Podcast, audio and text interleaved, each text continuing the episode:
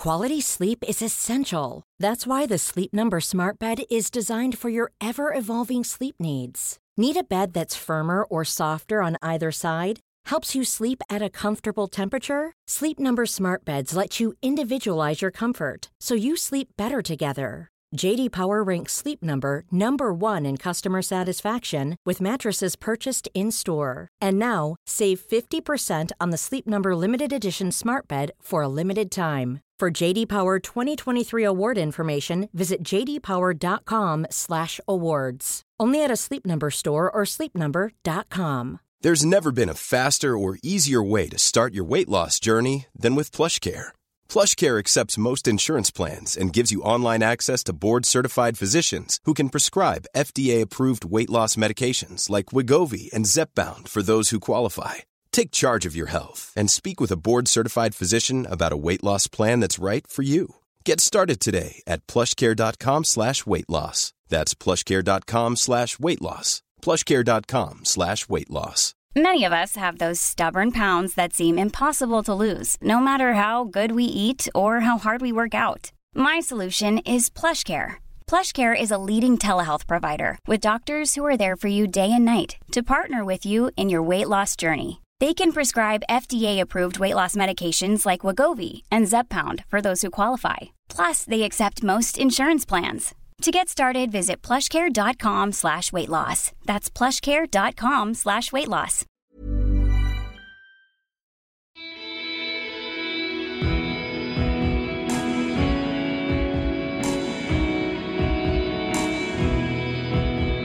Velkommen til Kaptare podkast.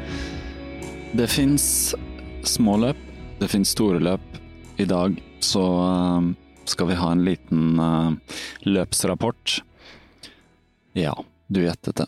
Fra Spartatlon som eh, nylig gikk av stabelen. Forrige episode hadde vi to spartatleter som snakket med meg før løpet. Nå trengte vi en som kunne snakke om hvordan det var, ikke denne gangen å gjennomført løpet, men å ha brutt. Magnus Toru sendte meg en tekstmelding. Jeg har behov for en prat. Det er deg eller psykolog, skrev han. Det var litt morsomt, så eh, jeg tenkte litt på det, og så tenkte jeg ja, det kan være fint å lage to episoder hvor uh, temaet er det samme, nettopp Spartatland. Fordi nå, når det er over, og nå når vi har hatt uh, løpere som har gjort det flere ganger, og opplevd det på vidt forskjellige måter, så er det historier og erfaringer og ting å hente ut av dette. Så um, dagens samtale er med Magnus Toru, som uh, veldig mange kjenner fra tidligere episoder av podkasten, og som en ultraløper som um, ja, er ganske kjent i miljøet. Uh, mange har et forhold til. Uh, en av mine yngste kamerater, faktisk, som uh, tross alt ikke rukket å bli 40 engang. Utrolig nok, så han har veldig mye foran seg. Så i dag um, så prater vi rett og slett litt ut om dette løpet, dette Beistad-løp, som det er blitt kalt. Som de fleste som løper blir fullstendig hekta på. Så hva er det da med dette Spartatlon? Vi kommer litt under huden på det. Så dagens samtale uh, satte jeg meg ned og var litt åpen for hva som ville skje. Klarte å stille noen litt vanskeligere spørsmål enn vanlig, men uh, det, det, ble en fin historie fra Magnus sin side. Så veldig glad for å dele denne med dere, uh, kjære lyttere. Takk til alle som lytter. Deler podkasten i forskjellige fora. Um, Takk til alle patrions uh, som får uh, episodene på video, gjerne før de er sluppet, og ekstraepisoder. Hvis du lurer litt på hva det går i, så er det bare å gå til patrion.com, skråstrekk kaptarepodkast, eller bare klikk på linken her eller i uh, Instagram-biografien til Kaptarepodkast. Så igjen, tusen takk for at dere er tålmodige. Lytter, ha en god lytt på Magnus og meg. Velkommen tilbake, Magnus Tore. Tusen takk for det. Jeg, jeg tror at du er den personen jeg har sittet overfor oftest ja. uh, i denne podkasten.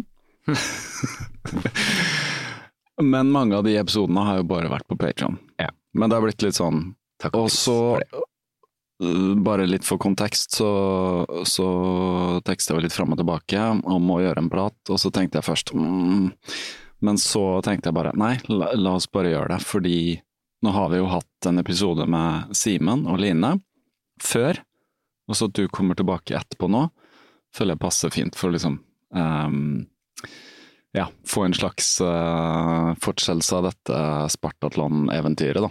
Ja. Og så blir det kanskje nok Spartatlan på en stund. Tar vi det om et år igjen. Så blir det en ren Spartatlan-pod. ja, det kan det ikke bli. Så så må jeg, jeg ned og løpe, og da må jeg begynne å klø meg i huet på hvordan jeg skal få til det. Ja. Men ok, men du, du er altså her. Det er uh, halvannen uke siden. To uker siden To uker siden er det, I ja. morgen. Så du har fått litt tid til å, til å uh, tenke litt. Mm. Det har jeg gjort. Ja. Tenkt mye. Så, så ideen er at uh, vi snakker litt gjennom det. Uh, jeg har ikke forberedt meg på noen spesiell måte, utenom at uh, Jeg har lest hva du har skrevet på Instagram. Hva skjedde? Hva skjedde, sto der. Så vi må snakke om hva som skjedde, og så får jeg stille litt spørsmål. Og så kan det være at det kommer noen uh, spørsmål som kan virke litt sånn kritisk, men det er bare for å på en måte komme litt inn i det, da. Ja. Eller litt inn i deg og finne ut av det her. Det tåler vi. Eh, ikke sant? Så det skal ikke være noe vanskelig, eller sånn, men hvis, hvis de som lytter syns jeg er litt eh, Ja. Hvis jeg skulle høres ut som jeg kverulerer eller er litt, er litt usympatisk, så, så får det bare være. Men vi får se hvor det bærer hen. Kameraet går, eh, opptakeren går. Ja. Vi har chai-te. Så, så, så for å spørre klisjéspørsmålet først, da. Hvordan føler, føler du det nå? Du må være ærlig, da. Altså, må være, være ærlig, det er det eneste Ja, hvordan føler man seg nå? Um, jo, det går bedre. Jeg har jo følt at jeg har vært i et slags sånn vakuum siden uh, lørdag 1. oktober. Um, så det vakuumet har liksom vart helt fram til jeg kom hjem. Og så er det liksom hele tiden en del spørsmål da, som man går og grubler over, sånn i forhold til hvorfor. Sant? store hvorfor, ja. Det store hvorfor, ja. Men jeg, jeg begynner da å komme liksom litt tilbake igjen til meg selv igjen, føler jeg. Mm. For først må jeg jo bare si uh, For hva, hva skjedde under løpet? Det kan vi jo ta. Litt sånn objektivt. Ja, sånn akkurat hva som skjedde under selve løpet. Ja, hva, hva, hva skjedde? For du, du fullførte ikke. Nei. Du fullførte i fjor, fullførte ikke i år. Mm. Selvfølgelig så, så ser du på det som et nederlag, ikke sant? Helt klart. det er fryktelig. Det er forferdelig. Sant? Og så må vi komme litt til bunns i hvorfor det og sånn. Eh, for egentlig kan man si det, det var jo bare et løp. Herregud, å bryte, er det noe problem da? Nei, i utgangspunktet ikke, da. Det er jo bare en altså, hendelse, det, liksom. altså, det her er jo liksom sånn Jeg tror jeg aldri har eh, forberedt meg så godt i noe i hele mitt liv, da. Mm. Jeg tror Altså, jeg har aldri trent så mye, aldri gått så mye inn i noe. Jeg har aldri forberedt meg så detaljrikt på noe. Mm. Og levd noe så fullt og helt, da. Og så er det du får, liksom vondt i lårmuskulaturen og et gedigent munnsår. Det er det du får i premie, liksom.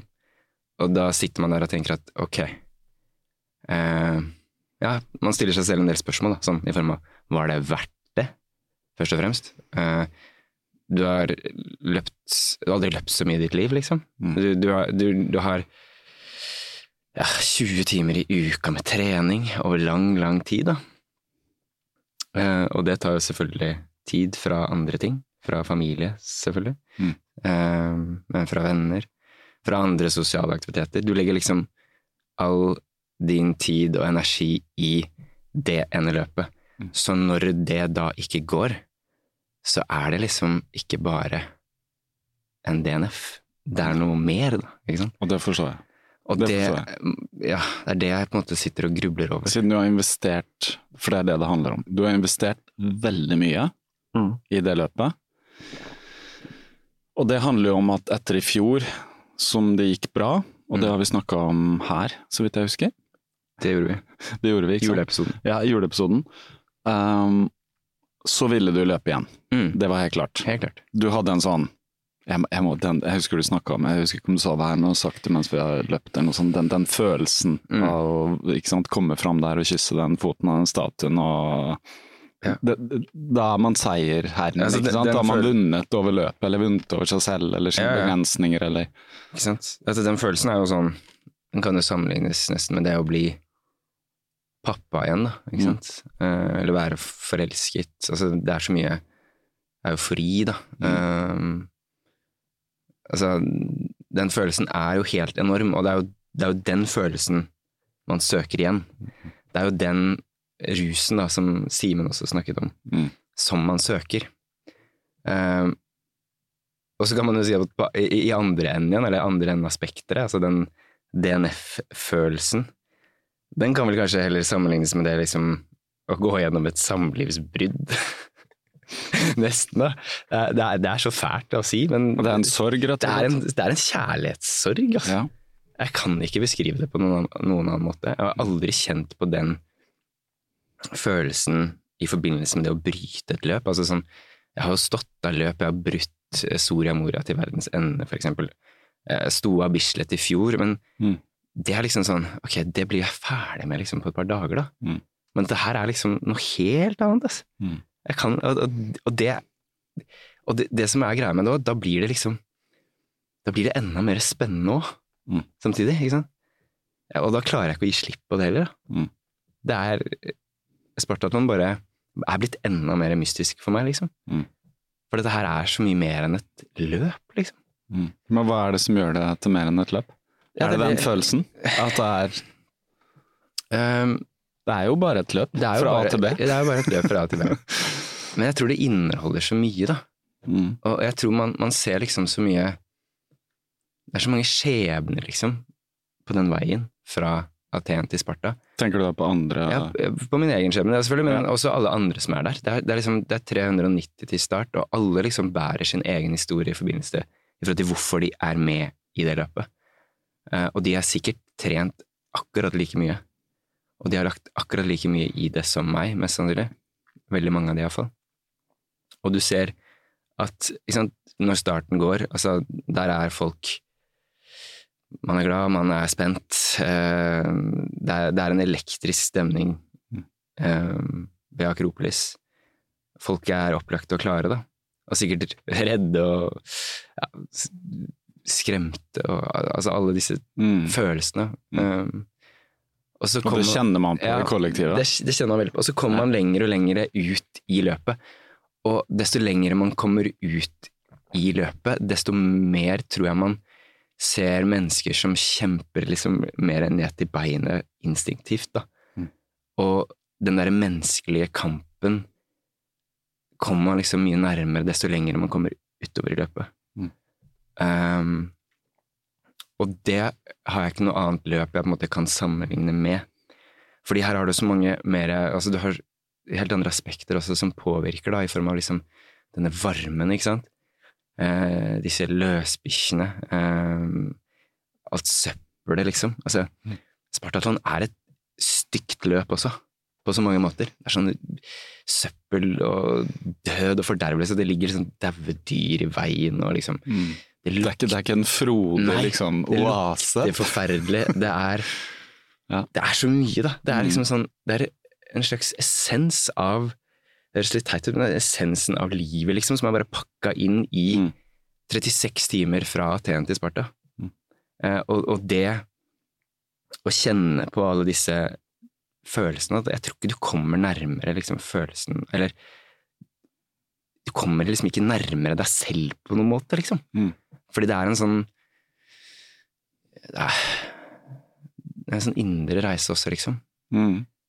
Eh, og selvfølgelig vil man jo komme helt til Sparta. Det, det vil jo alle som er med der. Altså, alle vil løpe fra Aten til Sparta, og alle er vi på en måte like, uansett hva vi er. Altså om vi er advokater, eller om vi er barnehagelærere, eller om vi er eh, tannleger, osv., osv. Så, videre, Mm. så er vi liksom en unison gjeng. Vi vil oppnå det samme målet. Vi stiller til start på de samme premissene. Alle sammen har trent, alle har forberedt seg så godt de kan. Mm. Og så skal man liksom flytte kroppen sin fra Aten til Sparta, og der er det liksom Det er det eneste som teller, da. Mm. og da er vi kun mennesker som er ute og, og kjemper eh, langs asfalten Mm. ved trafikk og bikkjer og dritt og lort, liksom. Mm. Og det er det som gjør Spartathlon så spesielt også, og det er det når du også kommer løpende opp den, der, eh, den gaten fram mot eh, statuen der. Det er, så det er, da, er, da er alt så vakkert igjen, da. Mm. Fordi Sparta er jo en fantastisk flott by. Mm. Um, og det er liksom all den derre smerten og alt det vonde er liksom glemt i de ti minuttene der, og da føler man seg som Jeg vet ikke, du føler deg som kongen av verden liksom sånn for en liten stund. Da, liksom. Mm. Og den følelsen er eh, Det er den euforien der Ja. som du vil oppleve igjen. Så det er det som gjør at det gjør veldig Altså At løpet er så mye mer enn et løp. Ja. Det er liksom Det er et slags beist, da. Mm. En drage som du på 36 timer Mm. skal temme. Mm. Og det kan sammenlignes litt med en drage òg. At du, du starter liksom nederst på halen, og så Mm. løper du deg liksom lenger og lenger opp, sant. Så skal du over fjellet, som på en måte er ryggen på dragen, ikke sant. Og så kommer du ned i varmegropen, liksom, hvor du liksom nærmer deg Mm. hodet og ilden Mm. uh, ut av kjeften på den dragen. Eh, det høres også sikkert helt tåpelig ut, men Nei, det er en god beskrivelse, da. Ja. Men uh, hva, hvordan var følelsen i år kontra i fjor å komme dit når alt er velkjent og sånn?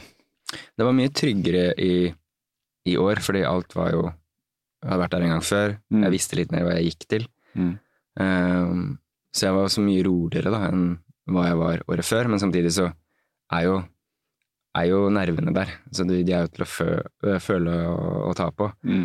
Um, nei, så, så selvfølgelig, det, er, det, er, det var litt tryggere, men allikevel um, kjenne på mye. Og det Ja, det gjør at det blir vanskeligere å sove og alle disse tingene her, da. Mm. Mm, mm. Mm. Men det var, mer, det var mer kjent, og det gjorde det jo på en måte mer trygt også. Men det, det kan også være at det var litt sånn dumt, da. At man eh, på sett og vis var mer rolig på startstreken. Mm. I år så var jeg mer trygg når jeg sto der. Mm. I fjor så var jeg jo livredd. Mm. Og jeg tenker sånn, ja, man kan jo komme ganske langt på frykt. Mm, man kan det. Det er et overlevelsesinstinkt, frykt. Det Mm. er det. Um, så det er jo fint å bruke det i sånn sammenheng, men hvis du i år ikke følte den derre Selvfølgelig, du følte jo på all den spenningen og sånn, men du var mer sånn Var du, var du ganske Følte du deg trygg på at du skulle klare det? Ja, jeg, jeg følte at liksom det grunnlaget jeg hadde, de Mm. forberedelsene jeg hadde gjort, så følte jeg meg ganske trygg på at jeg skulle klare å komme meg i mål, uansett, Mm. på, på de 36 timene. Så du var egentlig ikke forberedt på at det skulle gå På at noe skulle skje underveis? Eh, Nei, altså jo. hadde du sett for deg det scenarioet, at du måtte bryte, eller hadde du Jo, altså det, det, jeg hadde jo sett for meg det. Altså Ja. Det var en sånn tanke som, som dukket opp i hodet, men som jeg hele tiden forsøkte som å ikke tenke på. mm. For jeg ville ikke ta stilling til det å bryte i det hele tatt. For jeg, jeg, var, jeg skulle til mål, jeg skulle Mm. ikke stoppe opp. Uh, og jeg trodde heller ikke at jeg kom til å stoppe på Altså, grunnen til at jeg stoppet, var jo på grunn av sår muskulatur Mm. tidlig i løpet, da. Hvor tidlig snakker vi om? Eh, tre mil. Tre mil. Sånn som i fjor, så følte jeg liksom at alt gikk på cruisekontroll. Mm. Det var bare sånn å starte, og så fra to mil og til Sparta, så var det liksom mer eller mindre på cruisekontroll. Mm. Jeg var nesten ikke til stede sånn mentalt. Det var akkurat som at kroppen min bare bestemte, Mm. eh, og sinnet var med, liksom. Men i år så var det akkurat som at den cruisekontrollen den gikk i stykker etter tre mil. Mm. Eh, og at um, Man måtte begynne å kjempe. Og da var det plutselig bare jeg ute, ute på asfalten Mm. eh, og måtte liksom eh, kjøre manuelt da, Mm. ikke sant? derfra og ut. Og det ble en mye hardere kamp enn jeg hadde sett for meg. Mm. Altså Bare inntil Korint så merket jeg at jeg jobbet jo mye mer enn jeg gjorde i fjor. Det er k- første cut. Ja, første 80 inntil ja. Korint. Ja. Eh, og det var, um, det var mye varmere i år òg, da. Det var jo 35-36 grader eh, sånn ute ved Korint der. Uh, så det var, det var jo varmt, uh, men akkurat den biten takla jeg veldig bra. Men jeg mista nok mye mer elektrolytter, salter og sånn, da. Mm. som også, også magnesium, som Mm. musklene også er avhengig av for måte å kunne jobbe optimalt. Mm. Jeg var ikke like god på liksom å ta til meg drikke næring. Jeg var liksom ikke like sulten. Eh, og så hadde jeg heller ikke nok eh, tailwind eller sportsdrikke. De stasjonene hadde heller ikke eh, sportsdrikke, de hadde bare juice og vann og cola. I fjor så hadde de ordentlig sportsdrikke. Så jeg tror på en måte tapet av elektrolytter ble mye større, og Mm. at jeg fikk ikke fylt på med like mye, som også resulterte i at jeg fikk en sår muskulatur da, mye tidligere i løpet. Eh, Men det er jo allikevel veldig tidlig, da. Ja, er- Jeg kjenner på sånne ja, ting, så det kan ikke være hele forklaringen. Nei, og jeg, jeg har løpt altså så mange, jeg har løpt mange flere langturer i år enn hva jeg gjorde i fjor. Mm, Hatt flere langturer på over 100 km på trening, mm. um, og har ikke kjent på det samme.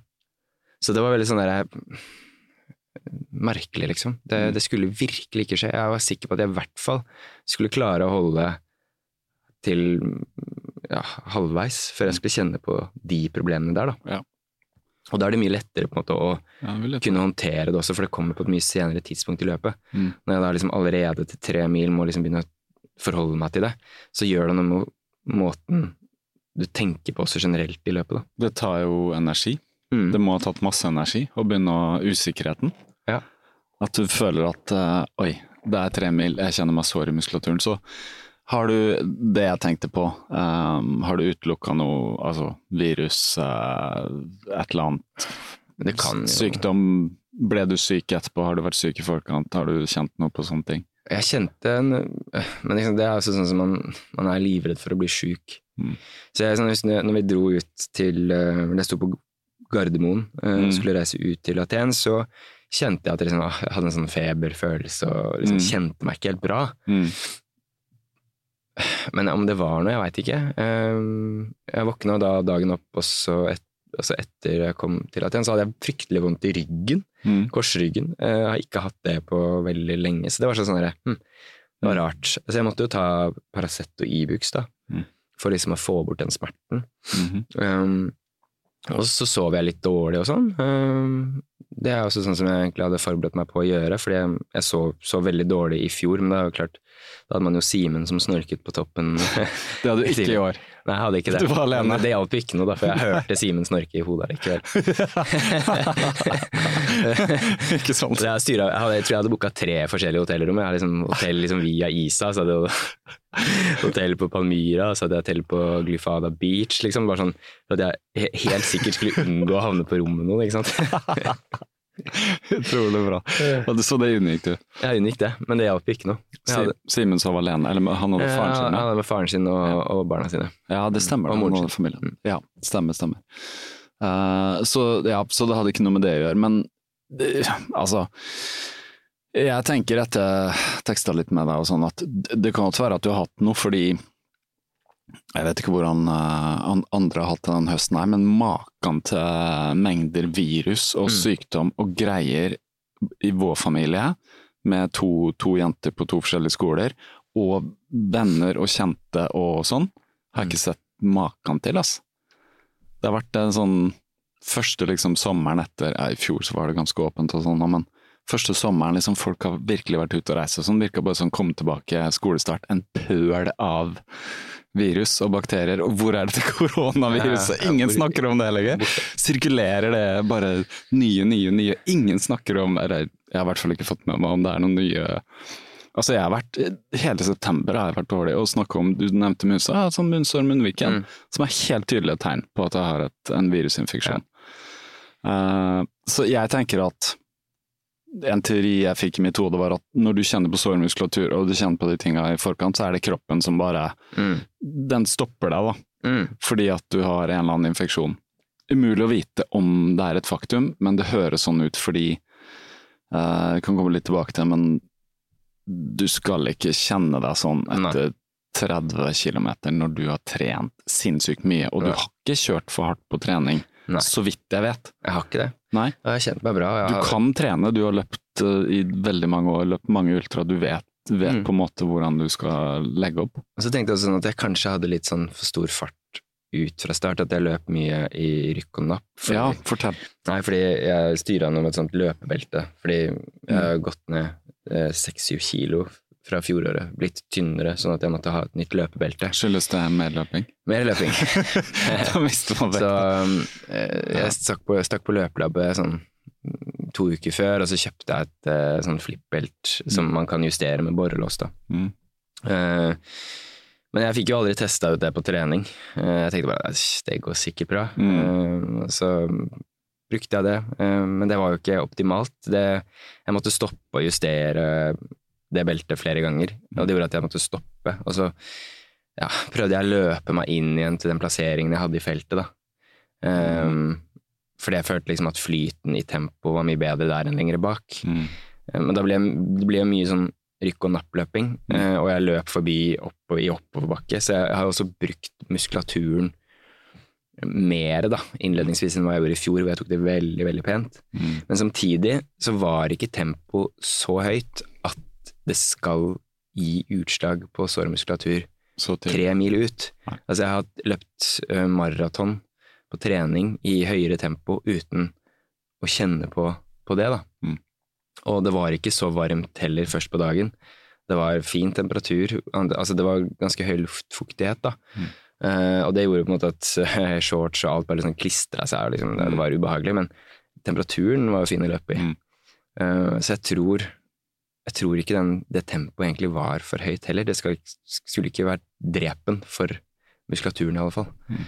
Og i så fall så skulle jeg ikke kjent det før mye lenger ut. Altså, jeg løper f.eks. Oslofjorden rundt, eh, 80 K, i tilsvarende tempo, Mm.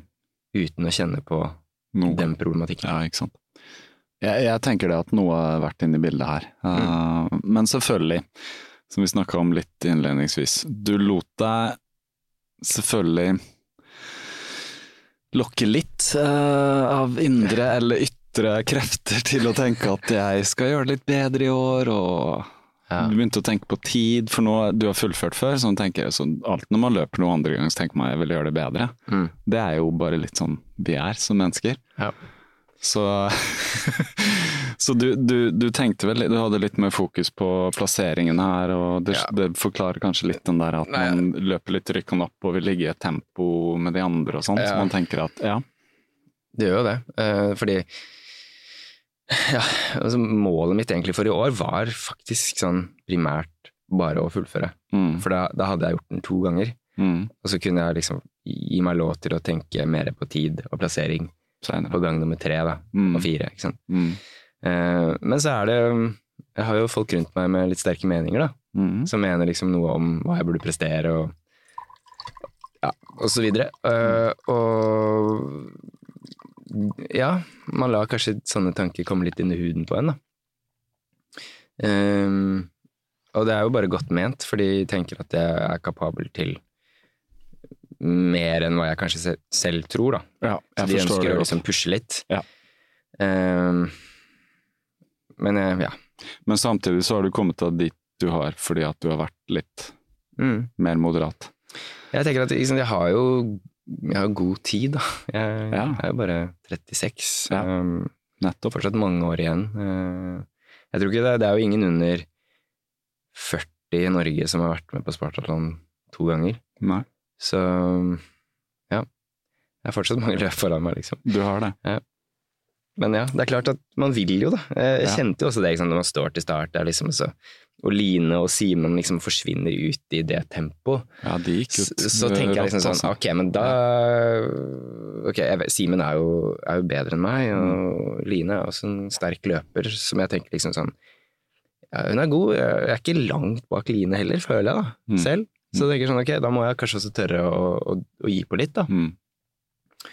Ehm, så, men jeg tror at jeg ville tålt det tempoet der normalt sett, da, ikke sant? som jeg var inne på, at det ikke skal gi sårmuskulatur. Mm. At jeg var fornuftig, egentlig, Mm. underveis i løpet også, for jeg bremsa ned, jeg roet Mm. eh, tempoet ned etter maraton for på en måte å, å safe litt, da. Mm. Men likevel så, så bare fortsatte denne Mm. problematikken utover løpet, da. Så hvordan, hva skjer i ditt hode etter hvert, da, når du skjønner at Eller begynner å tenke Hva, hva sniker seg inn? At du ikke At du må bryte?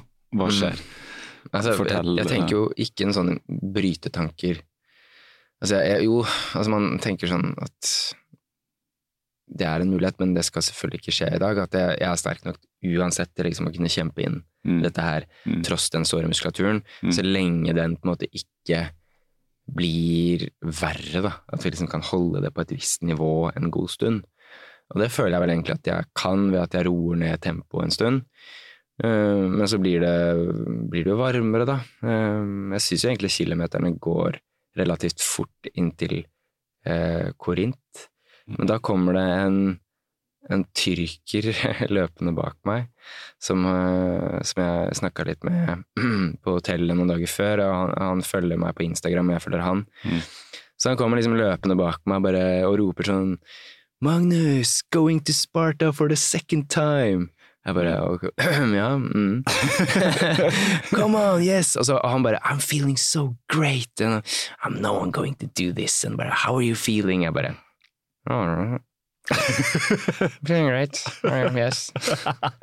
Veldig moderat nordmann. Nei, har ikke så lyst til å snakke nå. Vær så snill. Han prater og prater og prater. Sånn, yeah, so you broke at Bislett 24 in November last year. Jeg bare, Ja. Yeah, why did you, why did you DNF, what went wrong?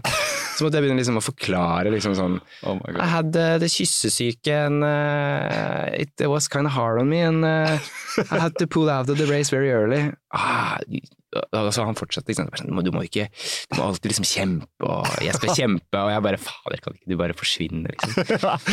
Øh, og da, det var liksom første gang jeg liksom kjente på en sånn negativ følelse i meg, liksom.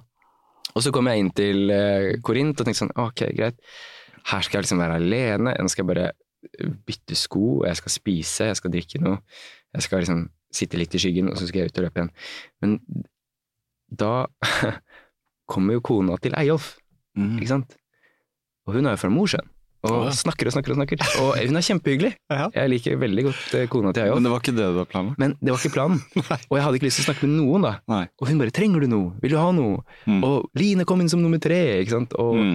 Um, Simen er like etter, og. Og, Mm. og jeg ville sånn, ok, det er kjempefint, men jeg må liksom fokusere på meg selv. Og sånn, 'går det bra med deg? Mm. Åssen har du det?' Jeg bare 'jeg har det ikke bra nå, men vi trenger ikke å snakke om det'. Sa du det? Nei, jeg sa, jeg sa ikke det. Jeg bare sa 'ja, det går kjempebra'. Hvor langt inn i løpet var dette? Hvor langt? Eh, Åtte og en halv time. Åtte og en halv Eh, time. 80 kilometer. Ja. ja. Korint. Så, ja, og da var jeg et kvarter bak planen min, da. Ikke sant? Mm. Så det irriterte meg litt grann også. Mm. Eh, og så Ja, og hun fortsetter å prate, uh, og jeg blir stressa av det, rett og slett. Mm. Um, og klarer liksom ikke å, å få den roen Mm. der inne, da. Så jeg bare tenker ok, greit, jeg kan ikke være her, jeg må bare komme ut fortere enn svint. Uh, jeg bruker nok egentlig litt for lang tid der inne. Jeg, jeg tror jeg var der inne i hvert fall kvarter, 20 minutter eller noe sånt. Ja, altså. Mm. Og Er det en større, et ja, det er et checkpoint? ho et av hovedcheckpointene. Det er vel et av de største checkpointene i hele løpet. Mm. Og der er det liksom, det er mange som står av der. Mm. Eh, Det er mange som, altså det er jo en slags slagmark der òg, ikke sant. Det ligger Ja. folk og får massasje. Ja. Noen gråter fordi de er skada og orker Mm. ikke mer, ikke sant. Og det er folk som er over og peta, ikke sant. Og så Mm. videre og så videre og så videre. Mm. Og så bestemmer jeg meg bare for å komme meg ut av eh, Hellas Can, da, som det heter, det checkpointet. Og da er første som møter meg, da, er en meksikaner, liksom, som står og spyr i veien, ikke sant. Som bare spyr opp alt, liksom. Sånn bråker når han kaster opp, sånn bleh. Og han er fra Mexico, ikke sant. Så jeg bare ok, greit. Det var sånn deilig å ta med seg derfra, liksom. Og det er, da er det varmt, da. Det er sånn 36 varmegrader og ja, for da er du godt ut på dagen. ja, Mm. så, men greit, jeg tåler det. Um, kommer i gang med løping igjen, eh, og kjenner liksom at ok, dette her føltes litt bedre. Jeg har bytta sko, ikke sant. Så da løper jeg vel en, en god mil, da, for jeg liksom ikke- kjente på så mye. Og tenkte at ok, greit, dette funker. Jeg har en god flyt og liksom jeg får til løpingen. Før det da liksom biter tak igjen da etter ti og en halv time. Da kjenner jeg liksom at ok, nå må jeg liksom jobbe igjen. Jeg er ikke på den der, jeg har ikke den cruisekontrollen som jeg hadde i fjor. Dette her er manuelt uh, arbeid, liksom, som jeg må virkelig grave i meg selv da, for å holde flyt. Mm. Og da begynner jeg, altså, og lårmuskulaturen er jo da ganske vond, Mm. så jeg begynner å tenke på at ok, jeg burde ta Paracet. Bare bli kvitt denne Ja, smerten. men det er så tidlig i løpet, da. Og, og det å begynne å ta liksom Paracet etter ti timer, det tenker jeg liksom er en dårlig plan. Mm. For jeg kan liksom ikke overleve på Paracet i 20 timer Mm. i et sånt løp hvor du på en måte belaster kroppen så mye. Så jeg prøver liksom å la være å holde ut, da. Men så kommer det en, en finsk eh, løper også. Mm. Kommer løpende bak meg. Mm. Jeg blir tatt igjen, vet du. Det gjorde jeg ikke i fjor. Da løp jeg meg innover i feltet. Jeg tok Mm. igjen, ble ikke tatt igjen av noen. Jeg tok igjen ba- ja, mange. Alltid en mye bedre 60, følelse. ja, ikke sant? Ja, ja. 60-70 totalt, da, fra Mm. jeg tror jeg løp meg opp sånn nesten 100 plasser. Mm. Um, men nå ble jeg tatt igjen, og da kommer det også en finne eh, som er, eh, var førstegangsløper, som heter Maria. Veldig hyggelig. Mm. Snakket med henne på Instagram. Mm. Så kommer hun bak meg, og så helt stille, ikke sant? Bare sånn Magnus, it's Maria from Finland. Jeg bare Nei, hvorfor du nå? Du skal være mye lenger bak meg Og Jeg løp, hva er det som skjer? Ikke sant? Hello, how are you feeling? How are your legs? My legs are My legs are great. Very great. Oh, how are your legs? I'm feeling great. Sånn, I can see that. og hun bare liksom flyter sånn fint og rolig liksom inn i solnedgangen. ikke sant? Mm. Løper akkurat sånn som jeg sikkert følte meg i fjor, hvor det var jeg som tok en av disse løperne. Mm. Hun løp Men du var ikke sånn at du snakka med folk underveis? Bare, bare de som tok kontakt. ja, greit. Jeg tror ikke jeg var så Du løper litt sånn introvert? var-. Ja, jeg ble veldig introvert og ville Ja. bare være, være alene, liksom. Eh, Mm. Snakka ikke bare Var veldig kort på liksom checkpoint og sånn. Mm. Eh, så jeg, jeg fikk jo litt sånn dårlig samvittighet overfor Maria, da, fordi hun prøvde å være liksom Var hyggelig og sånn, men så jeg sendte henne en melding etterpå og sa sorry at eh, jeg virka sikkert sur og gretten og hele pakka, men jeg hadde det veldig tøft akkurat da. Mm. Så da, um, da var vi vel rundt sånn 101 km. jeg tror jeg passerte uh, antikke Korint rundt uh, Skal vi se Ti-elleve timer. Mm. Eh, og da var det sånn, ok, som jeg sa da, jeg måtte liksom hele tiden jobbe for hver eneste meter. Mm. Og bestemte meg da for å ta Paracet etter elleve timer og et kvarter. Uh, og det hjalp jo litt, da. Sånn at jeg fikk liksom tatt av den der verste toppen på den smerten i beina. Mm. Så da fikk jeg jo i gang uh, løping, og løp egentlig ganske greit inn til uh, Nemea. En sånn, også en hovedstasjon. Da er du midtveis i løpet. Og da fikk jeg også spist litt og sånn. Eh, men igjen, jeg var sinnssykt dårlig på liksom å prioritere på liksom det å ta til meg liksom salter, magnesium, alle disse tingene som jeg var god på i fjor, Mm. var jeg dårlig på i år. Mm. Fordi jeg hadde hodet helt andre steder, ikke sant. Eh, jeg, hadde lagt, jeg hadde også ikke lagt ut noe dropbag på uh, Nemea. Jeg hadde lagt ut den to checkpointer senere, som gjorde at når jeg kom inn dit, så fikk jeg liksom ikke tatt eh, Jeg holdt på å si eh, ja, det, det, den eh, kosttilskuddet eh, som jeg skulle ta, da. Mm. Som var litt sånn salter og Jeg satte magnesium, Ja. eh, sånn, eh, sånn Hva heter det for noe? Sånn væskeerstatter, væskeerstatning. Ja. Eh, Jeg fikk bare spist noe ris og ja, surra, bare surra bort tid, da. Mm. Uh, og så begynte det å gjøre vondt igjen, For liksom, jeg ble stående stille der. Mm. Og så begynte jeg å kjenne på den dumme lårmuskulaturen igjen. Uh, men jeg klarte liksom å presse meg inn i, i løpingen, og, og da slapp det litt. Uh, så jeg løp en sånn, kanskje en tre, fire, fem kilometer hvor jeg løp ganske bra, og tok igjen en del løpere i feltet. Men det som jeg da også gjør feil, er at jeg presser altfor hardt, da. Så jeg løper jo altfor hardt, sånn at jeg ødelegger lårmuskulaturen enda mer. Mm. Kontra det der liksom å være litt forsiktig og ta det Hvor, pent. hvorfor løper du? Nei, fordi jeg var irritert da, Ja, på meg sånn. selv. Og jeg, jeg var irritert eh, av å bli tatt igjen av andre løpere. Mm. Og jeg ville liksom poengtere overfor de at liksom, dere skal ikke komme her. Eh, det er jeg som skal ta igjen dere, og ikke, ikke omvendt. Ja, ja. Så, men det var dumt, fordi de hadde god tid. Eh, De Mm. prioriterte Jeg vet, kjenner til flere av de, eh, og så at de kom i mål. Mm. Eh, De prioriterte riktig. De tok det rolig. De løp eh, fornuftig, mens jeg løp som en idiot i, i mørket. Mm. Og jeg ble jo tatt igjen av de bare ja, 20 minutter seinere, da. Mm. Når du måtte slippe litt opp. Ja. Um, og så kom jeg også til en checkpoint hvor jeg skulle ha på hodelykt. Og, og um, jeg hadde jo rota bort den hodelykten jeg brukte i fjor. Mm. Sånn at jeg hadde en ny en, og den hadde jeg justert sånn at den passet til uh, hodet mitt. Men uh, av en eller annen grunn så klarte jeg liksom å, å, å slakke liksom på den, det festet, da, sånn at den satt jo ikke ordentlig på hodet. Så som en idiot ikke sant? som står og surrer med hodelykt. Jeg gikk nesten bort til den på, på checkpoint for å spørre om han kunne hjelpe meg sånn, å fikse den der hodelykten. Men da følte jeg meg sånn så dum, liksom. For sånn, du løper Spartaton, du vet ikke hvordan hodelykten din funker engang. Så jeg sto der Du er ikke forberedt, mann. Nei, ikke sant? Og det var sånn der, ah, og det sto folk, og jeg følte liksom alle sto og så på meg. Ja. Sånn der, jeg ser på han dusten der, liksom. Han vet ikke hvordan hodelykten Her høres det ut som det lille selve, så jeg kaller det, har begynt å ta litt over og, Ja, ja. og spinne noen historier og, Og da bare- og da bare- helt ja. Alle disse negative greiene. Da blir det bare liksom større og større og større. Og jeg bare, fader, sånn idiotiske hodelykten. Mm. Uh, og så får jeg den til heldigvis til å funke, da, men da har jeg stivna enda mer, ikke sant. Mm. Så da eh, gjør det jo vondt. Og da har jeg tatt Paracet bare for liksom, noen timer siden, så jeg føler ikke at jeg kan ta noe mer Paracet da. Mm. Uh, så jeg går da, i en oppoverbakke, og når jeg kommer opp på en flate igjen, så prøver jeg å løpe, men det går ikke. Og da har vi løpt sånn kanskje en 100 og uh, Ja 28-130, da. Mm. Så da bare går jeg. Um, og tenker at ok, nå må jeg gå til jeg kommer til den checkpointen hvor jeg har lagt ut den real turmaten og de der vitaminene og mineralene mine. Mm. Uh, og så får vi ta det derfra. Mm. Så går jeg inn dit, og så kommer jeg bort til checkpointen, som er en sånn kjip liten checkpoint. Det er bare mørkt, og det er dritt. Og så spør jeg sånn Nei. Si? Og så bare Ok, de er flinke da de skjønner at jeg har det fælt. Ja. Så de finner den der dropbagen min fort, og så sier jeg at jeg skal ha realturmat. og så må jeg ha varmt vann. Sånn, You go in hot water or cold water? Hot. og så har han selvfølgelig ikke nok varmtvann igjen i den termosen sin, da. Så han må løpe inn og så koke opp mer. Mm. Og da står jeg der og stinner enda mer. Og så kommer han tilbake igjen og fyller på. Og så kommer det da en sånn svenske som jeg har tatt igjen tidligere i løpet, som jeg også prøvde å løpe billig på, ved å ligge i rygg. Mhm. Og det irriterte sikkert han, fordi Mm. jeg skrudd, skrudde av hodelykten min og sånn, for å spare min egen strøm, ikke sant. Og lå bak han. Og lå bak han.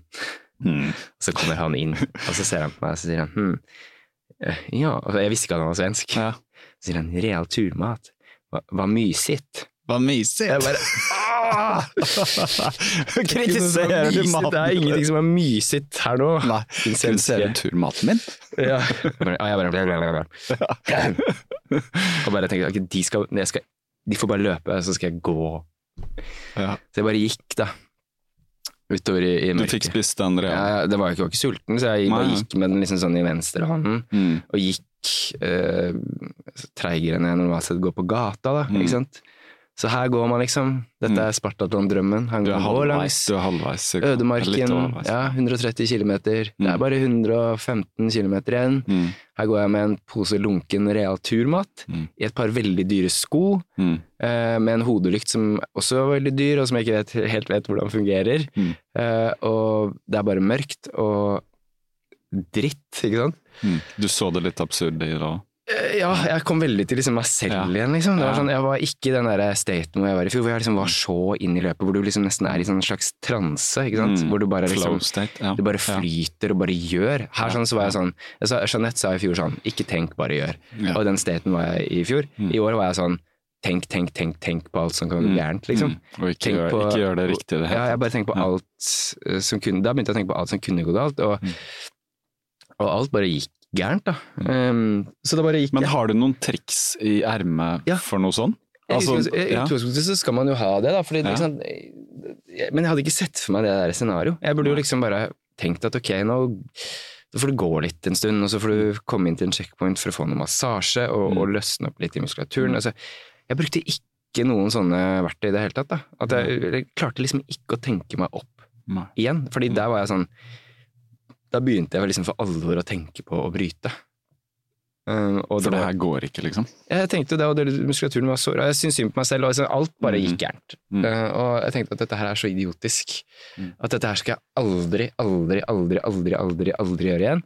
Fordi nå har, liksom, nå har vi gjort Spartathlon, og jeg har på en måte sett den ene siden, og jeg har sett, altså den ene siden av medaljen, jeg har sett baksiden av medaljen som jeg er i nå. Nå er vi ferdig med det, liksom. Um, og så kom jeg inn på en sånn landevei, da. Den eneste sånn, hvor det, eller en av få steder hvor det ikke er asfalt. Og der var det bare enda mer forferdelig å gå. Da gikk liksom og snubla rundt i steiner. Og jeg var ikke sulten, så jeg bare satte fra meg den der eh, turmaten i veikanten. Spiste den aldri. tok noen Snart. biter, da. Ja. Bare satt den i veien, stavra videre, liksom.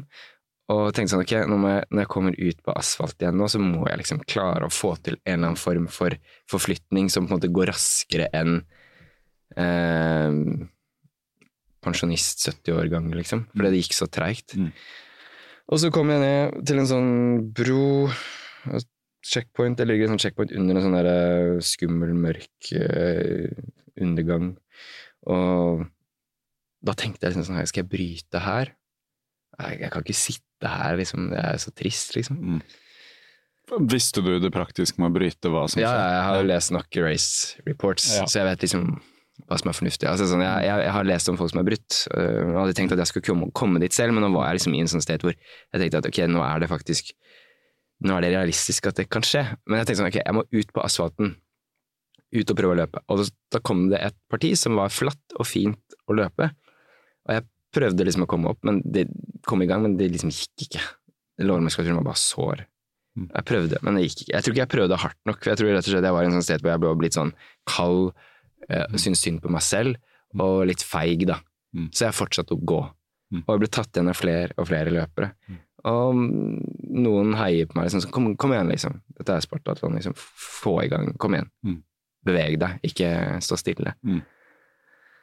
Eh, Men det var egentlig bare mer demotiverende når, når de da um, passerte meg. Og så kom jeg ned til et sånt parti ned mot um, checkpoint 40, um, Malendrini, det heter det vel. Som jeg hadde glemt fra i fjor, da. Mm. Som er, det er nedstigning, og det er ganske bratt. Mm. Jeg hadde helt glemt det stedet i fjor. Altså, det, er sånn, det er blåst fra hukommelsen. Jeg kan Mm. ikke huske at jeg hadde noe som helst nedløping, altså noe som gjorde vondt i fjor. Men da var det sånn at jeg måtte gå i sikksakk i nedoverbakkene med sånn Åh, åh, au. Og så kommer det sånne folk som er sånn bravo, bravo. Jeg bare hold kjeft, liksom. Bravo, Oh, vær så snill. Ser du ikke liksom at jeg er, jeg er ikke med i løpet lenger? Nei, ikke, ikke bry deg. Jeg er bare tøysa. Jeg er, bare, jeg er ikke med, jeg er bare turist, jeg går tur. Ja. Det er det jeg gjør nå. Jeg, bare, Ser ut som det. jeg, bare, jeg følte sånn ut, da. Og så kom jeg inn til den checkpointen som egentlig er kjempekoselig. Det er en kafé som heter Tadé, da. Mm. Eh, Det var faktisk et sted hvor Simen eh, Han sov over der når han gjorde den FKT-en sin. Mhm. Eh, Så det er veldig, en hyggelig checkpoint. Eh, Det lukter liksom sånn eh, gresk mat og kaffe og Mm. sigarettrøyk, ikke sant. Mm. Veldig sånn levende sted. Mm. Og egentlig et bra sted å komme inn av. De heier og er positive. Og så kommer sikkert den mørke skyen. Ikke sant? Mm. Setter seg ned i en stol, og så bare tok jeg av meg, så tok jeg av meg det startnummerbeltet. Mm. Så la jeg startnummeret på bord, og så bare Så tenkte jeg sånn her, ok, nå må jeg liksom ta en avgjørelse. Så, så må jeg, jeg må, enten så må jeg fortsette nå, eller så må jeg bare bryte. Og så må jeg liksom stå for det, da. At, du må stå for det at du bryter. Og si at ok, jeg gjorde et forsøk, nå har du gjort Spartatlon, og så må du bare gå videre, og så må du klare å leve med det. Fordi sånn, det er nå du har på en måte muligheten til liksom å påvirke utfallet av det du driver med. Mm. Og så bare øh, vant den derre eh, Den feige siden av meg, da. Mm. Den vant. Jeg tok av meg startnumrene, jeg tok av chipen på skoen, jeg tok ut den der dumme GPS-en som gjør at alle kan følge med på hva jeg gjør, hvor jeg er. Mm. Den irriterte meg litt, for jeg tenkte sånn, jeg ville jo helst bare være alene. Liksom. Mm. Jeg sånn, sitter alle hjemme og følger med, liksom. Så de kan se akkurat hva jeg gjør nå. ikke sant? Uh, og så leverte jeg inn til han funksjonæren, og han ser på meg liksom sånn, jeg bare sånn, Yes, um, uh, I think it's going, this is too hard for me. Sa du det? Ja. yeah. No, it's, I, I, I, I can't continue. Uh, my muscles are too sore. Han ser på meg og smiler bare sånn, ok. Uh, do, you have, uh, do you have a support car to pick you up, or? Uh, nei. Nei. Uh, I'm alone. Alone. I'm a tourist, alone here. yes. Bare, ok, uh, sit down make yourself comf comfortable, because it's uh, yeah, one hour and 15 minutes left of the cutoff. Så det var jo én time og kvarter igjen til cutoffen. Mm. Og det er altså helt sånn idiotisk at jeg hadde én time og et kvarter igjen, som jeg faktisk kunne forsøkt, da. Mm. Jeg kunne kjempa i én time et kvarter til, og gått, gått Mm. til fjellet, da. Altså gjort noe kanskje for å komme i gang. Og akkurat den, den delen der, den irriterer meg veldig nå. At jeg liksom ikke var litt hardere, litt tøffere i hodet. uh, og gravde litt dypere. Mm. Fordi jeg vet at jeg hadde kommet til et parti hvor det er mye oppoverbakker mot fjellet, da. Som egentlig passer bra når man har den muskulaturen man har. Mm. For da blir det litt sånn Da endrer man bruken av den litt. Ja. Man får en annen stimuli på den muskulaturen.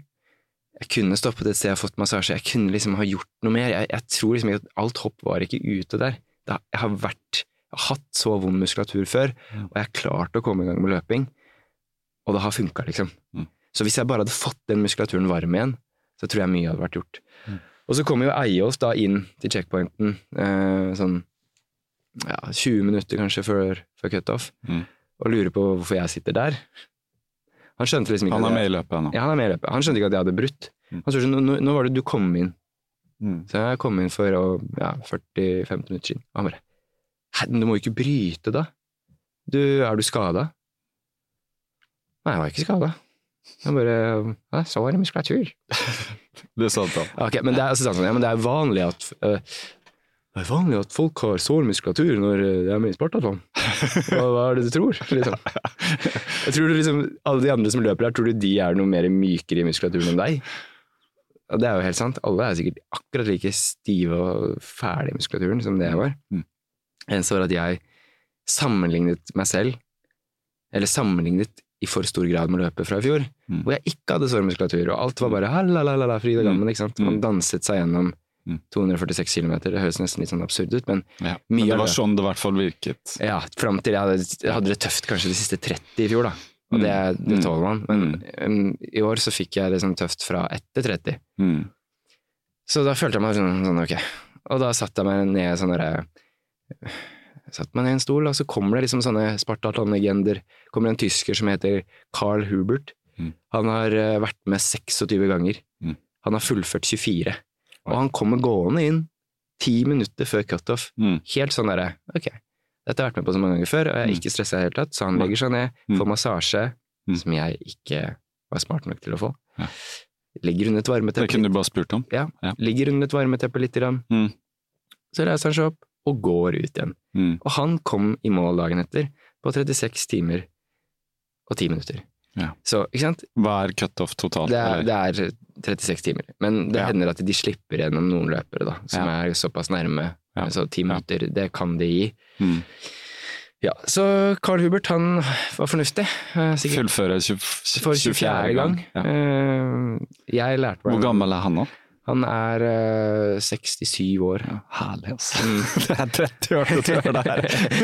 Er, det, er- det er sånn, Du kan slå han i antall fullført. Jeg skal prøve på det. Skal prøve på det. Kan du Det- sitte det er- her om 30 år og si sitte her om 30 år. Husk jeg fortalte en historie om han Carl Hubert. Jeg skal aldri, aldri, aldri, aldri, aldri sitte i den stolen. Og det beste av historien har vi ikke kommet til ennå, fordi Mm. det er jo noen som heter Dødens buss i Spartaton, og den har man liksom hørt ekstremt mye om, ikke sant?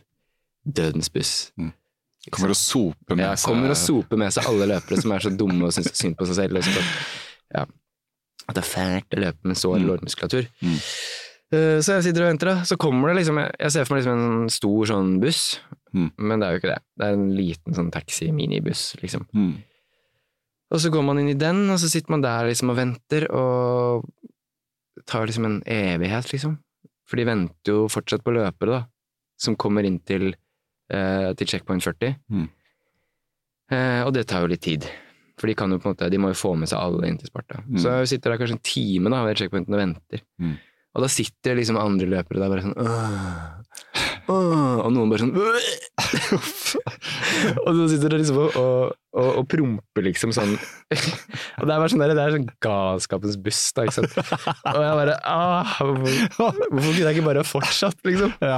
Slippe å sitte i det greia der, liksom. For det var du ikke forberedt på at det Nei, nei, nei. ville være Å sånn? sitte sånn en time i en buss hvor alle sitter og nesten kaster opp og promper og syns synd på seg selv, det er, det er virkelig, liksom. Det er et helvete Også, i forhold til himmelen som hadde året Ja. før. ikke Og så er det en, sånn, så er det en kar da, som spør sånn, han, han bussjåføren «Eh, are, eh, are we going to Sparta soon? Og så sier han bussjåføren sånn Not yet. Nei! Så da kjører vi liksom zzz, rundt da, i alle disse små gatene liksom, rundt alle disse checkpointene og plukker opp, uh, plukker opp andre løpere liksom, som er i ak akkurat like jævlig og kjip state som deg selv, da, ikke sant?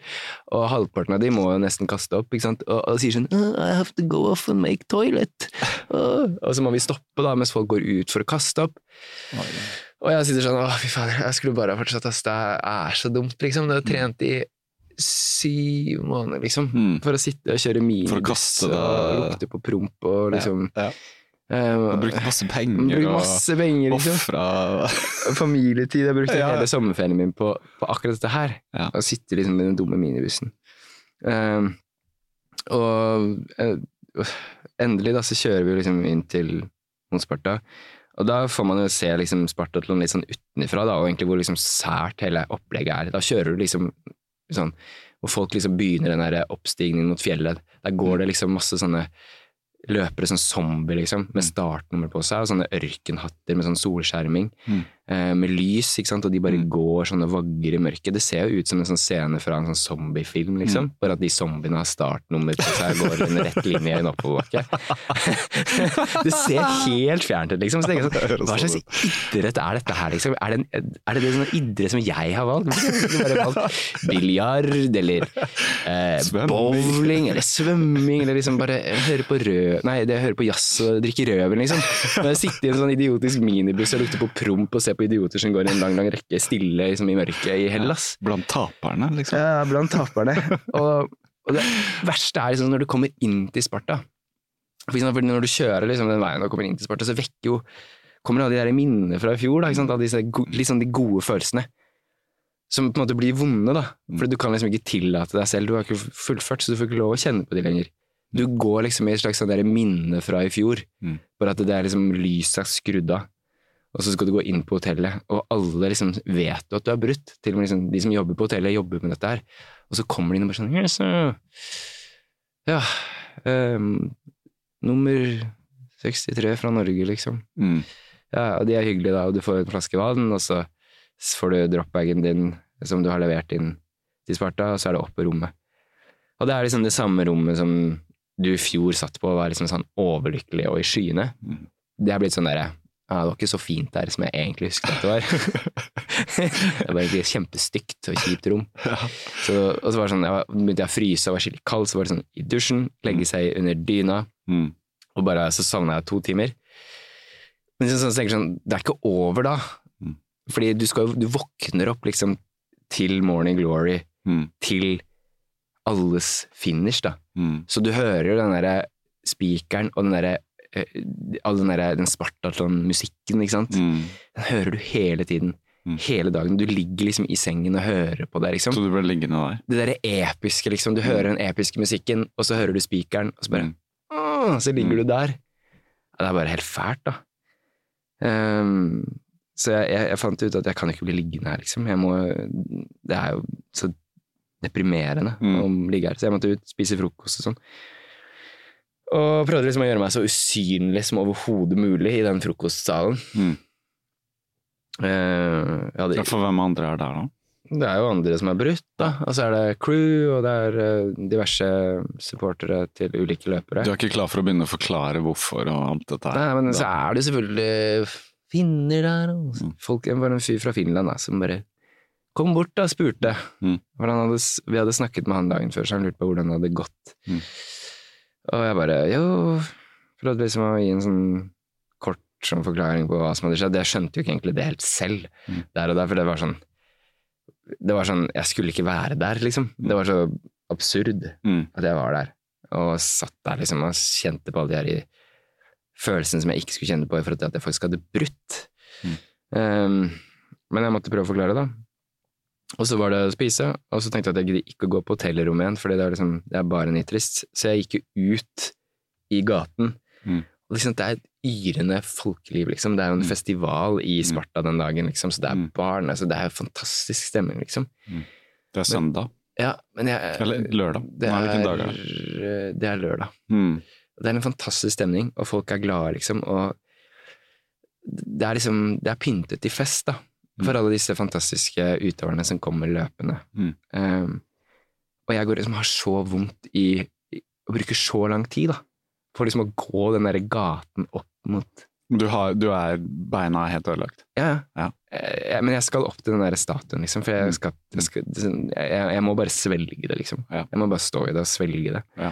Du må se de andre komme inn. Ja, jeg må bare se det, face det, liksom. Det Mm. det er verste marerittet, er liksom å, å være der og Mm. Ikke har klart det selv, men liksom Mm. også stå der og se på at andre fullfører Mm. en drøm som du på en måte har hatt selv. Eh, Det er fryktelig, da. Selv om liksom, jeg er glad på andres vegne, men samtidig så er det den derre kjærlighetssorgen. Mm.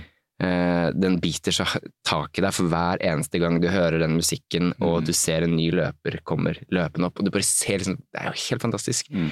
Og jeg bare så opp til hver eneste en av de, liksom, som Mm. kom løpende opp der med flagg. Og, og jeg bruker sikkert eh, en tja, tre kvarter, halvtime på å liksom gå det lille strekket, liksom. Mm. Eh, og så plutselig så ser jeg, når jeg nærmer meg statuen, så kommer Simen da, sant? Mm. løpende Mm. eh, med flagget. Mm. Og da bare synker liksom, det stikker liksom enda mer i hjertet. Liksom. Mm. Sånn. Samtidig så er det veldig fint å se Simen også, Mm. men det er bare sånn derre Han gjør det som jeg ikke fikk til. Mm. Og, så, så, han, ja. og så ser han på meg, liksom. Han ser at jeg står i folkemengden. Han gir meg, jeg vet ikke om han husker det selv, men han gir meg et sånt blikk. Mm. Og det blikket bare liksom stikker enda mer, da. Mm. Sånn, hva er det du gjør der? Ja. Du skal ikke være der. Nå har du sviktet. Nå har du sviktet, eh, Tore. Nå har du sviktet, da. Sviktet. Du sviktet, da. Sviktet lauget. Nå har du sviktet lauget. Nei da, man jeg bare, åh. Så ser jeg Eyolf og kona Jeg har ikke mobiltelefon, for den har jeg levert inn til Janne, som er support for, Uh, Mm. Eh, for Line. Så jeg går uten telefon og kan ikke kommunisere med omverdenen heller. Nei. Og det er egentlig litt deilig. Ja. Um, men så ja, møter jeg de andre da, og hilser på Simen, og står jeg med Eilf og kona da, og prater, og begynner nesten å, å, å grine, da. Mm. Mm. Men det er bare så tåpelig liksom, å stå der sånn, og, og grine, liksom. Sånn, Det burde du bare gjort, da. ja, Det er kjærlighetssorg, det er kjærlighetssorg. ja, det er kjærlighetssorg, altså. Ja. Da griner man, da. Og så er det bare liksom, å gå og spise lunsj og snakke med Eyolf, og så får jeg Jeg har ikke telefon, så jeg får liksom låne den telefonen Mm. låne telefonen til Eyolf og ringe, ringe til Stine, da. Mm. Og jeg har liksom sånn Jeg har så sinnssykt dårlig samvittighet overfor Stine Mm. og familien, liksom. Sånn, fordi at liksom Jeg har brukt liksom så mye tid på å gjøre dette her, og jeg har ikke Mm. fått det til. Og de sitter hjemme, og de har liksom Jeg vet jo ikke, jeg, men de har kjøpt inn bløtkake. Mm. Og de har liksom eh, samlet familien også for liksom å se den målgangen, da. Mm. De Kan de, vært- kan de se den? Ja, de kan jo se den på YouTube. Ja, Den, okay. det det Ja, den streames jo live via gresk TV via YouTube. da. nettopp. Ja. Så det er sånn, de har eh, tenkt å se den, og har invitert moren min og hele pakka, liksom, men de har bare sånn, de måtte bare droppe det, da. Mm. Så jeg ringer hjem og bare Hun tar telefonen Ja. og snakker med Og jeg bare er liksom sånn Jeg klarer ikke å få frem et ord, Nei. for det bare hugger så tak i meg. Sånn Mm. denne, denne, disse følelsene og denne gråten, da. Mm. Og jeg føler meg så, så sinnssykt så tåpelig som bare står der og, liksom, og bare står midt i den derre lunsjsalen med mange andre spartatleter som har fullført, og sikkert mange som har brutt, videre. Og Eyolf tenker sånn ja, Eyolf bare, ja, du, det er lov å gå på rommet, liksom. Hvis ikke du orker å snakke her. Mm. Men eh, jeg bare Jeg husker ikke egentlig hva jeg sa til henne, annet enn at jeg var veldig lei meg fordi at jeg ikke hadde klart å fullføre. Mm. Og at eh, altså Jeg hadde jo skuffet meg selv, men jeg følte jo liksom at jeg hadde skuffet de også, Mm. i stor grad. Fordi de har jo også eh, Stine og ungene har også um, måttet ofre veldig mye, da, for min eh, drøm Mm. om dette her. Mm. Som jeg egentlig hadde gjort i fjor, Mm. men som jeg da var, måtte Ja, gjøre men jeg igjen. må gjøre det igjen, ja. Og igjen, og igjen, og igjen. Og igjen, og igjen. Og jeg- Dette er livet. Syv måneder i år. Det er som en profesjonell fotballspiller som Ja. bare ja, Jeg må på trening, jeg. Jeg må på trening, ja. Nei, så Mm. Nei, det var Det var, det var Ja. fælt og fint også egentlig å snakke med henne, da. Hun, Men hadde hun forståelse? Altså, ja, ja, hun ja. er jo kjempegod, da. Så hun, hun er jo Hun har masse omsorg for meg, liksom. Mm. Og veldig godt å, å prate med henne. Men det gjør bare liksom at jeg har lyst til å Jeg følte meg som fem år igjen, da. Ikke sant? Mm. Har kommet hjem til mamma, Mm. vært på epleslang og blitt busta, liksom. Og bare angrer. Så Det, er litt, det er litt skam, men ja, bare, ah, eh, det er en veldig negativ følelse. Det er det. Ja, så, og så var det bare da å, å vente på at Line skulle komme i mål. Mm. Så etter jeg hadde, etter jeg hadde snakket med Stine og grått, og så spiste vi lunsj, og så venta vi på, på Line. Og det var også kanskje, det må jeg si da, det største øyeblikket ved hele den turen. Mm. Det var når uh, Eyolf og, og, kona hans og, og, jeg gikk ut og, og venta Mm. på, på Line. Mm. På samme måte som Eyolf sto og venta på meg i fjor. Mm. Vi sto liksom på akkurat samme sted som han møtte meg i fjor. Så liksom, det har vekket en del følelser. Men det å da se Line komme liksom ned i gata der med liksom det norske flagget og um, til sin første Spartatlon-finish, Mm. det var et et veldig sterkt øyeblikk, da. Mm. Ehm, kjente jeg veldig på. Og sto der liksom og igjen Mm. begynte å gråte da. Line kom løpende opp med, med norsk flagg. Og, nei, det, var, det var en fantastisk flott eh, opplevelse. Mm. Absolutt.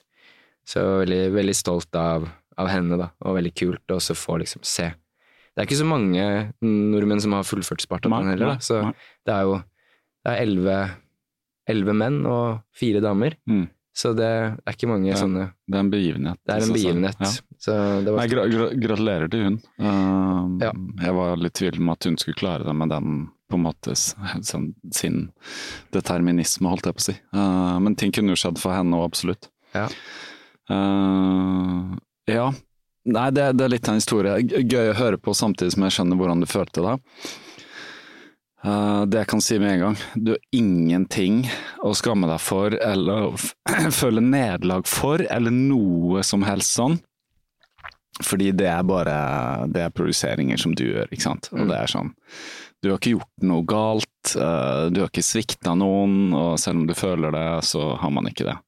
Ikke sant? Det, det er bare sånn, det kan man si utenifra med en gang. Men jeg forstår jo at du kjenner på disse tingene. Det er veldig godt forklart, men det virker som allerede du har ett lag av på en måte litt sånn ironi eh, og, og litt humor på det. Eh, Jeg så man, må ha det. ja, man må det. Man må se seg selv litt utenifra. For hvis du hadde på en måte tatt deg selv blodseriøst eh, og sånn, så kunne det vært kanskje enda tøffere for deg, da. Mm. Eh, Men du trenger ikke piske deg selv på ryggen sånn Du trenger fortsatt å gjøre det. Nå har du kjent på det. Så jeg tror jo at uh, Vet ikke hva fremtiden bringer, men antagelig så er det en erfaring, da. Som man må bare putte i boka. Ja. Uh, I kapittelet om Spartatland-boka. Mm. så sånn er det. Kapittel to.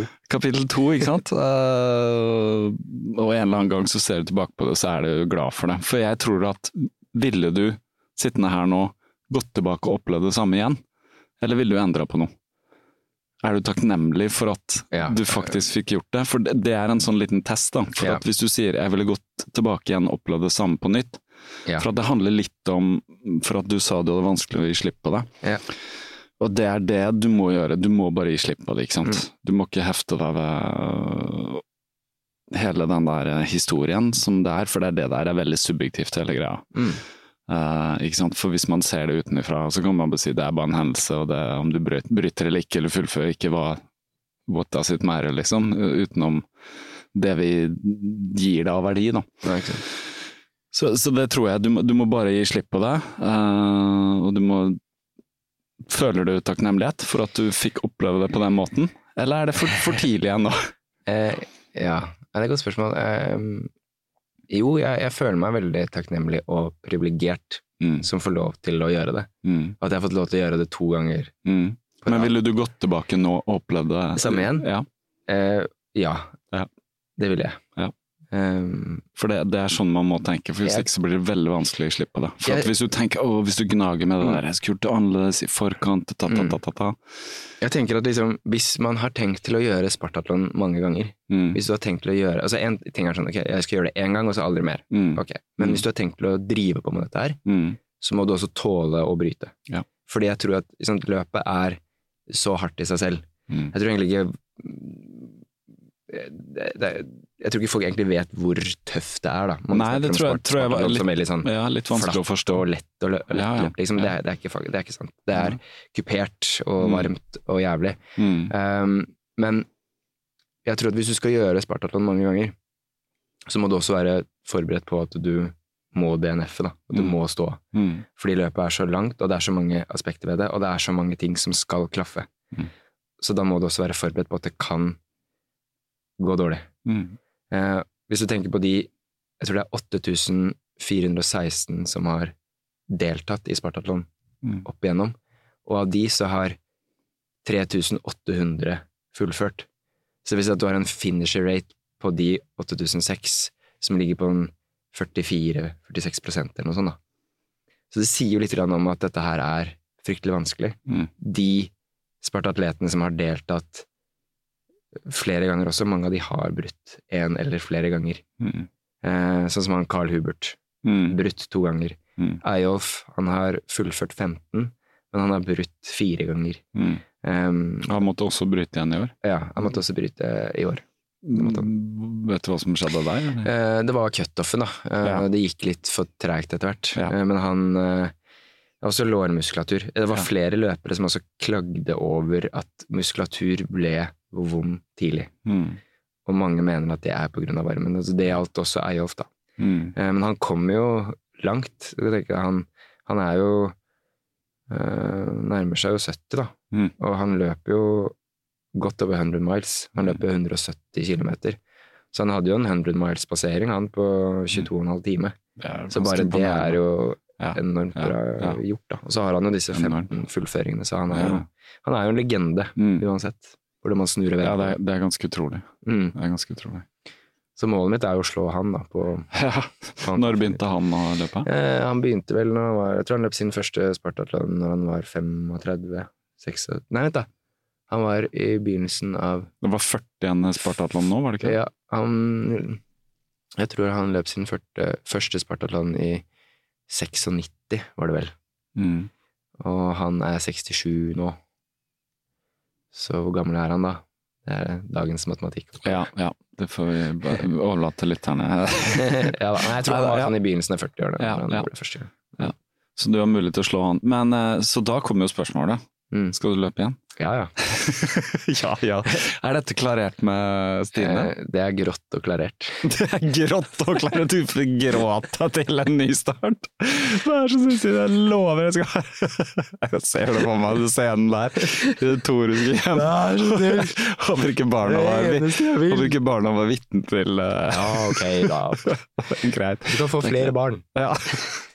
Hvis jeg får et barn til, så får du løpe igjen. To barn. To barn til, ett Spartathlon. Det er veldig bra.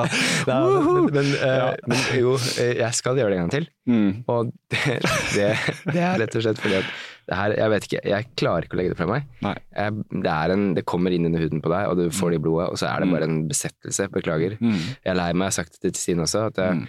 altså, og hun vet på en måte uh, hvordan det blir hvis jeg ikke får gjort det heller. Altså, Mm. det, det utfallet er kanskje litt verre da, Ja. enn om jeg får gjort det. Ja.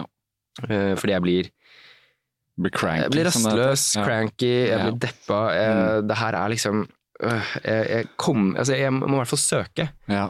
Ja. og da har jeg i hvert fall søkt. Mm. Så jeg kommer til å søke på det resultatet fra 2021. Mm. Det er mulighet for å gjøre det. Mm. Og så kommer jeg til å prøve å direktekvalifisere meg Med på, på Bislett. Ja. hvis kroppen vil, da.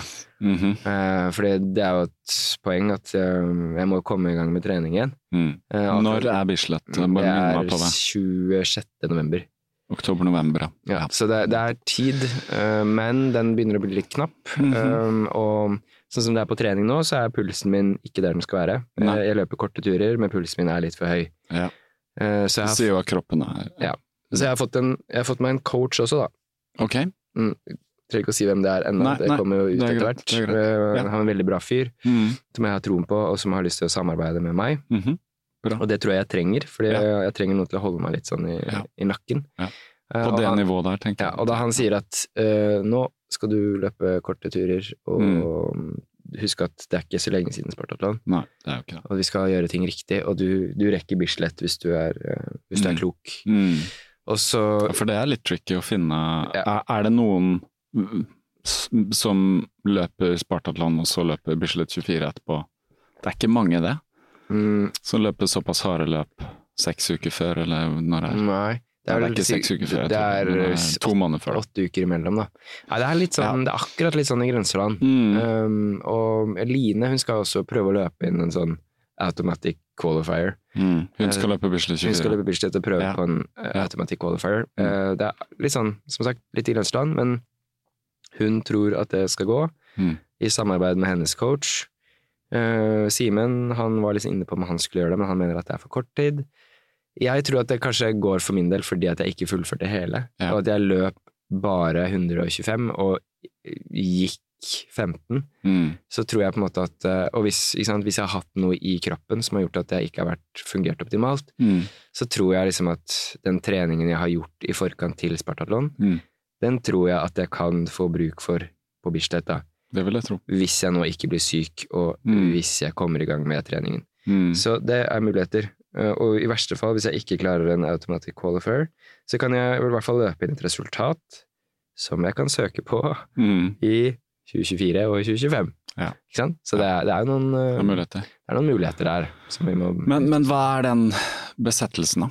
Med, med? Eh, Det er det derre Hva er den, da? Det er den mystikken i det. Ja. Eh, Det er at det her er eh, Det er liksom det ultimate løpet, liksom. Mm. Hvis noen spør meg sånn, ok, hvis jeg kunne valgt aller helst sånn hva jeg vil gjøre innen ultra, Mm. så er det Spartatland. Så Mm. hvis jeg kunne velge mellom å kvalifisere meg til å komme på landslaget i 24-timersløp, eller Mm. terrengløp, eller å Mm. være, være med i Noregs Spartatlonlaug, Mm. så vil jeg være med i Noregs Spartatlonlaug. Ja. Det er bare Det er en egen greie som jeg, jeg tror ikke du finner den greia noe annet sted da, i Er, ultraverden. er det mange som, som skriver om det? Du sier du har lest en del race reports, og ja. det er lagd noen dokumentarer og sånn. Jeg har ikke sett Mm. de, men er det, er det litt sånn at Nei, det er det derre samholdet, da. Ja. Imellom Det blir en sånn egen boble Mm.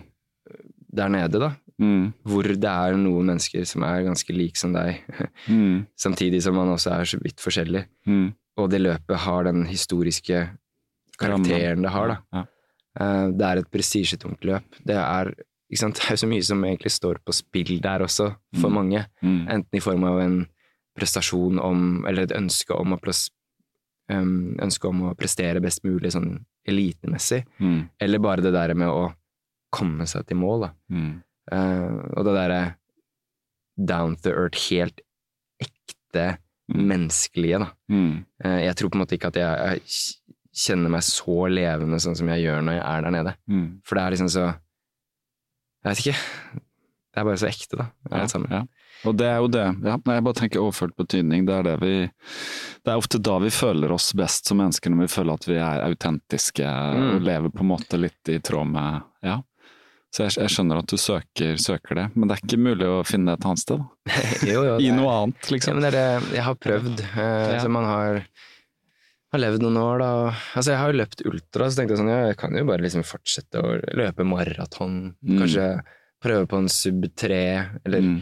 Eh, løpe raskere på 10 kilometer, liksom, og gjøre det så enkelt som det. Mm. Fordi det er også tilfredsstillende, og det Ja, er ja. også gøy. Ja. Men jeg tror bare at liksom, når du har smakt på liksom det sterkeste av, eh, det sant, det. av eh, det sterke, da, så er det det du har lyst på. Mm. Eh, Jeg har lyst på den, den eh, finisher-følelsen der igjen. Mm. Og for min del, eh, jeg kommer aldri til liksom, tror jeg, å jage på tid og plassering i det løpet igjen. Jeg skal bare til mål, og det er det Mm. eneste som betyr noe for min del. Så du, du er litt mer ydmyk i på en måte Ja, jeg- jeg- tilnærmingen til det nå? Ja, eller? ja nå eh, er jeg ydmyk igjen. Jeg skal aldri gå inn uh, i det løpet igjen Nei. noensinne og tenke at jeg får noen ting gratis Mm. av Spartatlon. Mm. Fordi hvis du tenker at du får noe gratis av Spartatlon, Mm. så får du ikke en dritt, og da kommer du ikke i mål. Det er helt sikkert. Ja, ikke sant.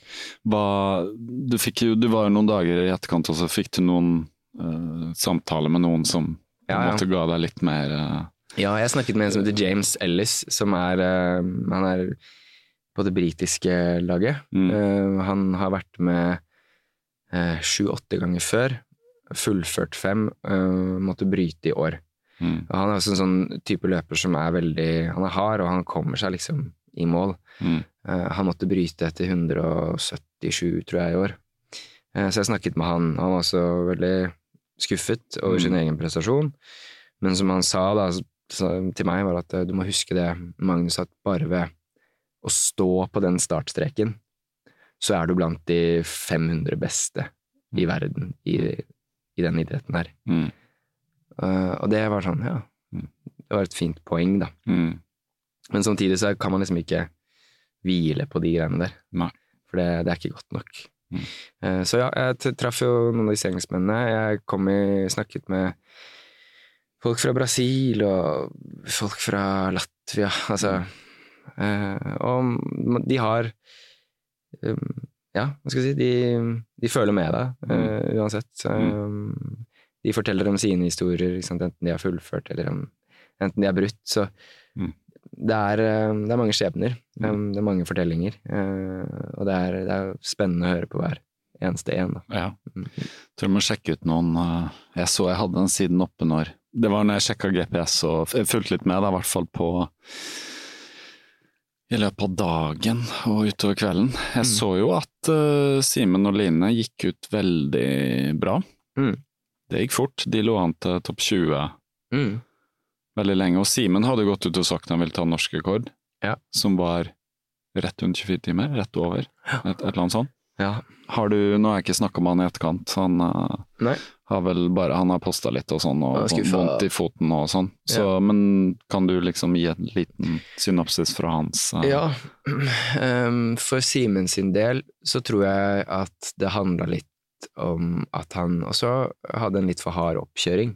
Mm. At han la inn noen litt tunge løp, sånn som denne Oslo-trippelen. Ja, å løpe maraton på 2,40 ja. Jeg tror det tok mer på muskulaturen hans enn ja. han kanskje turte å innrømme selv ja. i forkant. Det sa han jo også i etterkant, at han også kjente på sår muskulatur. Mm. Eh, og at han eh, ikke fikk ned eh, næring. At liksom den maten han spiste, bare bygget seg opp i magen, og kroppen tok ikke til seg det. Um, Nei, du tenker deg med den varmen, så er det jækla ja. mye som skal skje i kroppen. Så han måtte jo ja. kaste opp og var ja. han, han, kjempet jo også mye. Uh, og han var kanskje da det jeg Han hadde det jeg ikke hadde da i den verktøykassa. Mm. Han hadde liksom kløkt nok til liksom å få massasje, mm. og han, hadde, han var sterk nok i hodet sitt da, mm. til å stå i den tunge kampen. Han er jo en voldsom ja. fighter, så, som, som kjenner han. Ja, ikke sant. Så han fighta, det var en mm. kamp, da. Mm. Så det, i forhold til liksom det at han sleit både med næring, og at han sleit med sårmuskulatur, og kanskje mm. litt for hard oppkjøring, mm. så sto han uh, løpet igjennom, da. Han sto i det ganske bra. Mm. Når han blir topp 20 i, i det løpet, tross de forutsetningene, så må han ta med seg det. Og det tror mm. jeg han også har innsett litt selv sånn i etterkant, mm. når han har fått litt perspektiv på ting. Mm. Dessuten så var det året i år var ikke et lett år.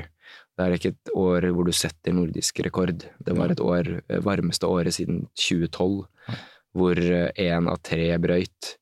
Eh, så det var eh, Ja, det var tøffe forhold i år, som man også må ta med seg inn i den ja, den jeg si, oppsummeringen, da. Ja, um, og for Line sin del så tror jeg nok også at, litt sånn som vi var inne på i stad, at dette med plassering og, og, tid kanskje det sto litt for høyt, kanskje, da. Mm. Uh, at hun også Det der med å ha litt respekt for, for løpet og forstå hva det er.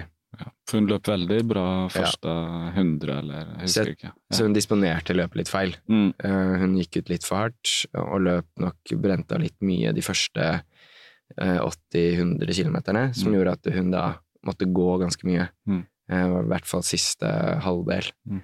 Men hun har en gange og en motor som er, som er, er rask, da. Mm. Så hun klarer liksom å presse ut til tross Også hun, sårmuskulatur. Mm. Um, for hennes del så funka det også litt bedre med næring og, og sånne ting. da. Mm. Så, og hun tålte også varmen bra. Så dette ble en god erfaring for Line. Ja. Uh, hun har også blitt bitt av mm. Spartatlon-basillen. Så hun mm. sa at det, nå er det liksom Det finnes, det finnes bare ett løp. Ja. Det er ett løp for meg, og det er Spartatlon. Ja. Og det, det, samme sier Simen, og det samme sier Eyolf. Og da tenker jeg sånn, ja, Eh, det er jeg enig med de. Det er, liksom, mm. det er et løp, det er mm. Spartatlon. Mm. Og alle andre løp det kan regnes som kvalifiseringsløp eller trening til. Spartatlon. Mm. Sånn er det. Ja. Nei, men det, ja, det, er tydelig at det er ikke bare en uh, fiks idé. Det er noe som, uh, som griper deg. Nei, det Interessant. Det er i hvert fall uh, gøy å høre på refleksjonene, da. Um, det er lett å, lett å følge sympati med, da. det er det etter å ha hørt på sånt. Så jeg tror også de som lytter også får litt sånn innsikt i, i det hele. Ja. Eh, at vi ikke har pusha det for mye med for mye Spartatland her. Men det er interessant å høre på sånne erfaringer. Det er det. Uh, men nå er det lenge til neste gang, da. Mm. Så hva skal du finne på um, ja, neste halvåret? Altså Jo. Nå er det Bislett 24, så du må være litt klok fram mot det. Ja. Nå er det Bislett uh, 24 som er, eh, er fokuset. Ja. Jeg satser på at jeg kommer i form til det. Mm. Eller i hvert fall får til noe som gjør at jeg kan løpe det. Mm. Um, og så blir det en sesongpause Ja. uh, med litt rolig i desember. Behold det gående. Mm. Mm. Og så er det jo da um, eh, eh, NM i 24 timers. Mm. eh, Mm. Stjørdal. Stjørdal, juni. Det er i juni. Jeg så det, 17. jeg så det, 17. til 18. juni. Ja. Så der har jeg også lyst til å være med. Mm. Og det tenker jeg også kan være en sånn Jeg har lyst til å løpe bra, Mm. eh, så fokuset da blir jo liksom trening inn mot det Mm. med våren. Mm. Og så selvfølgelig kan jo det løpet også være en åpner for senere Spartatlon. Ja. Og så skal jeg søke Spartatlon igjen i februar. Ja, for de har en sånn frist da. Mm. De er ganske tidlig på det. Så, så ja. målet er bare å søke inn i februar, Mm. så finner man ut i mars da om det blir Mm. Mm. Spartatlon i 2020. For det er, da er det en mulighet for ikke å bli Ja, hvis jeg ikke Ja. klarer å løpe sånn automatic eh, qualifier, mm. så må jeg søke på Og så er det sånn loddtrekning. Ja, det er det. Ja. Så det var sånn jeg kom med i år, da. 390 startende, sa du. Hvor mange søker, vet du det? Eh, Det er noen tusen, Ja. eh, og det er litt forskjellig fra land til land, fordi Mm. det er litt ulikt hvor stort dette her er i de forskjellige landene. Sånn som jeg vet at i Japan og i Nederland, Tyskland og sånn, Mm. de har på en måte egne sånne eh, landslag som du søker via, da. Ja, Ja, så de filtrer ut Ja, de, Ja. Da sender du inn liksom et ønske Mm. om å være med, Mm. og så får de liksom, søker de inn til ISA. Så, Ja. ja. var det, var det en japaner som vant i år, eller? Eh, nei, det var han eh, Fotis Fostis. ja, det var en greker? Det var han samme som vant i fjor. Ah, ok. Ja. Men det var en japaner som lå ganske Eh, ja, bra det var to japanere. Ja. Det var en japaner som var favoritt. Han har også Mm. vunnet Badwater mm. eh, Ja, to ganger, og så vunnet. Spartatlon i 2018. Ja. Mm. Men det var samme greske løper som vant igjen, ja. Ja, Fot, Fostis Nei, Fotis. Ja. Tror jeg han heter. ja. Ja.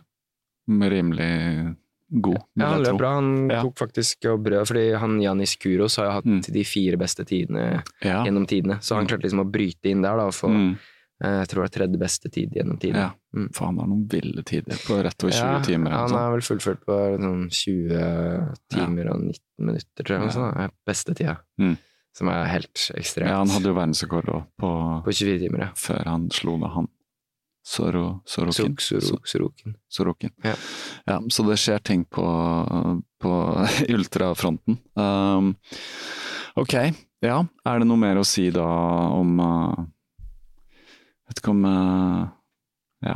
Nei, jeg vet ikke om du, var, du skulle være kritisk, Så. ja, jeg skulle være kritisk, men det ble vanskelig underveis her. For det, som jeg sa, det er veldig lett å få empati og føle sympati for deg. Så nei, hvis, hvis det er noe kritisk, så var det den derre at uh, du bare aksepterer Mm.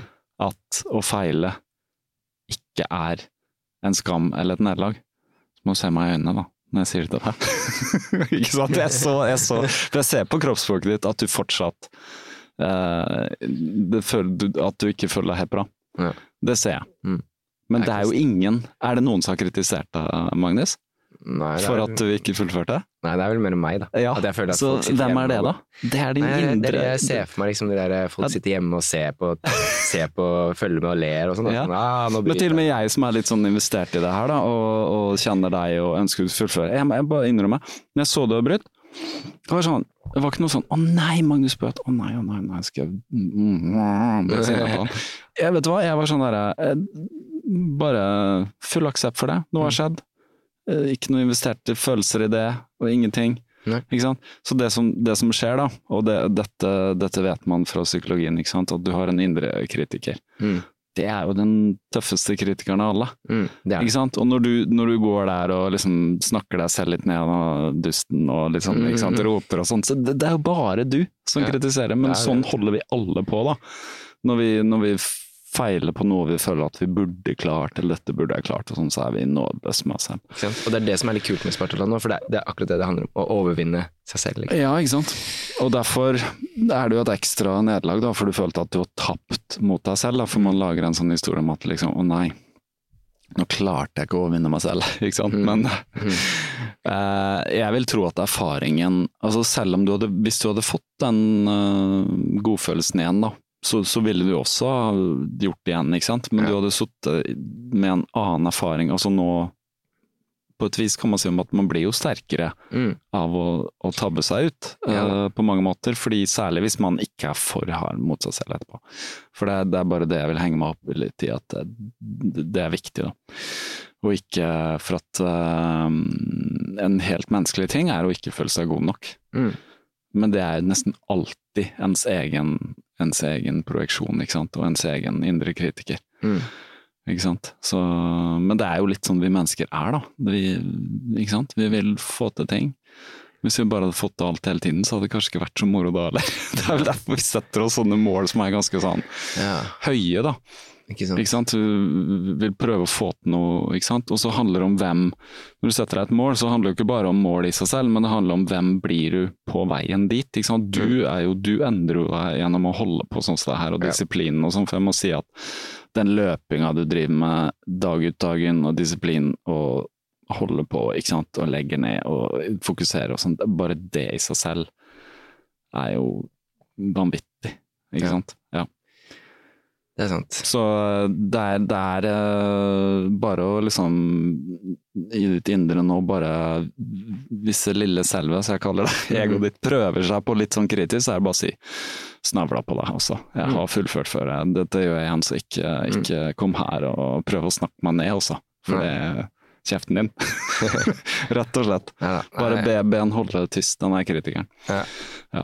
Jeg skal løfte meg. Altså, det er jo det er en av Ja, grunnene til det. Det det er jo også grunner til at jeg liksom har gitt folk litt sånn Jeg, jeg har jo ikke Jeg kunne jo bare kutta helt, og så liksom har kjørt blackout og ikke kommunisert noe ut på sosiale medier, Ja, ja. eller Ja. droppa å komme hit, bare fordi at man kan sitte hjemme og gjemme seg bort. Men det, jeg tenker at liksom dette Jeg tenker at det er viktig å si noe om denne delen også. Ja, det det. Eh, Fordi det er en del av pakka. Men det handler om at da, da tar du, du tar både ansvar og eierskap da, til den historien, ikke sant. Og det Og så blir det her et sånt me Ja. memo til meg selv. Sånn, Ja, neste år så skal jeg høre på den podkasten Ja, her. det, det kan du gjøre. Og så skal jeg den liksom bruke den, og så skal jeg liksom sette meg inn i den staten. Sånn at hvis jeg liksom får en sånn hybris Mm. igjen om at liksom, Mm. ja, nå skal vi løpe Ja. sub 28, og hvis jeg ikke klarer det, så kan jeg gå hjem og skamme meg, liksom. Ja, ja.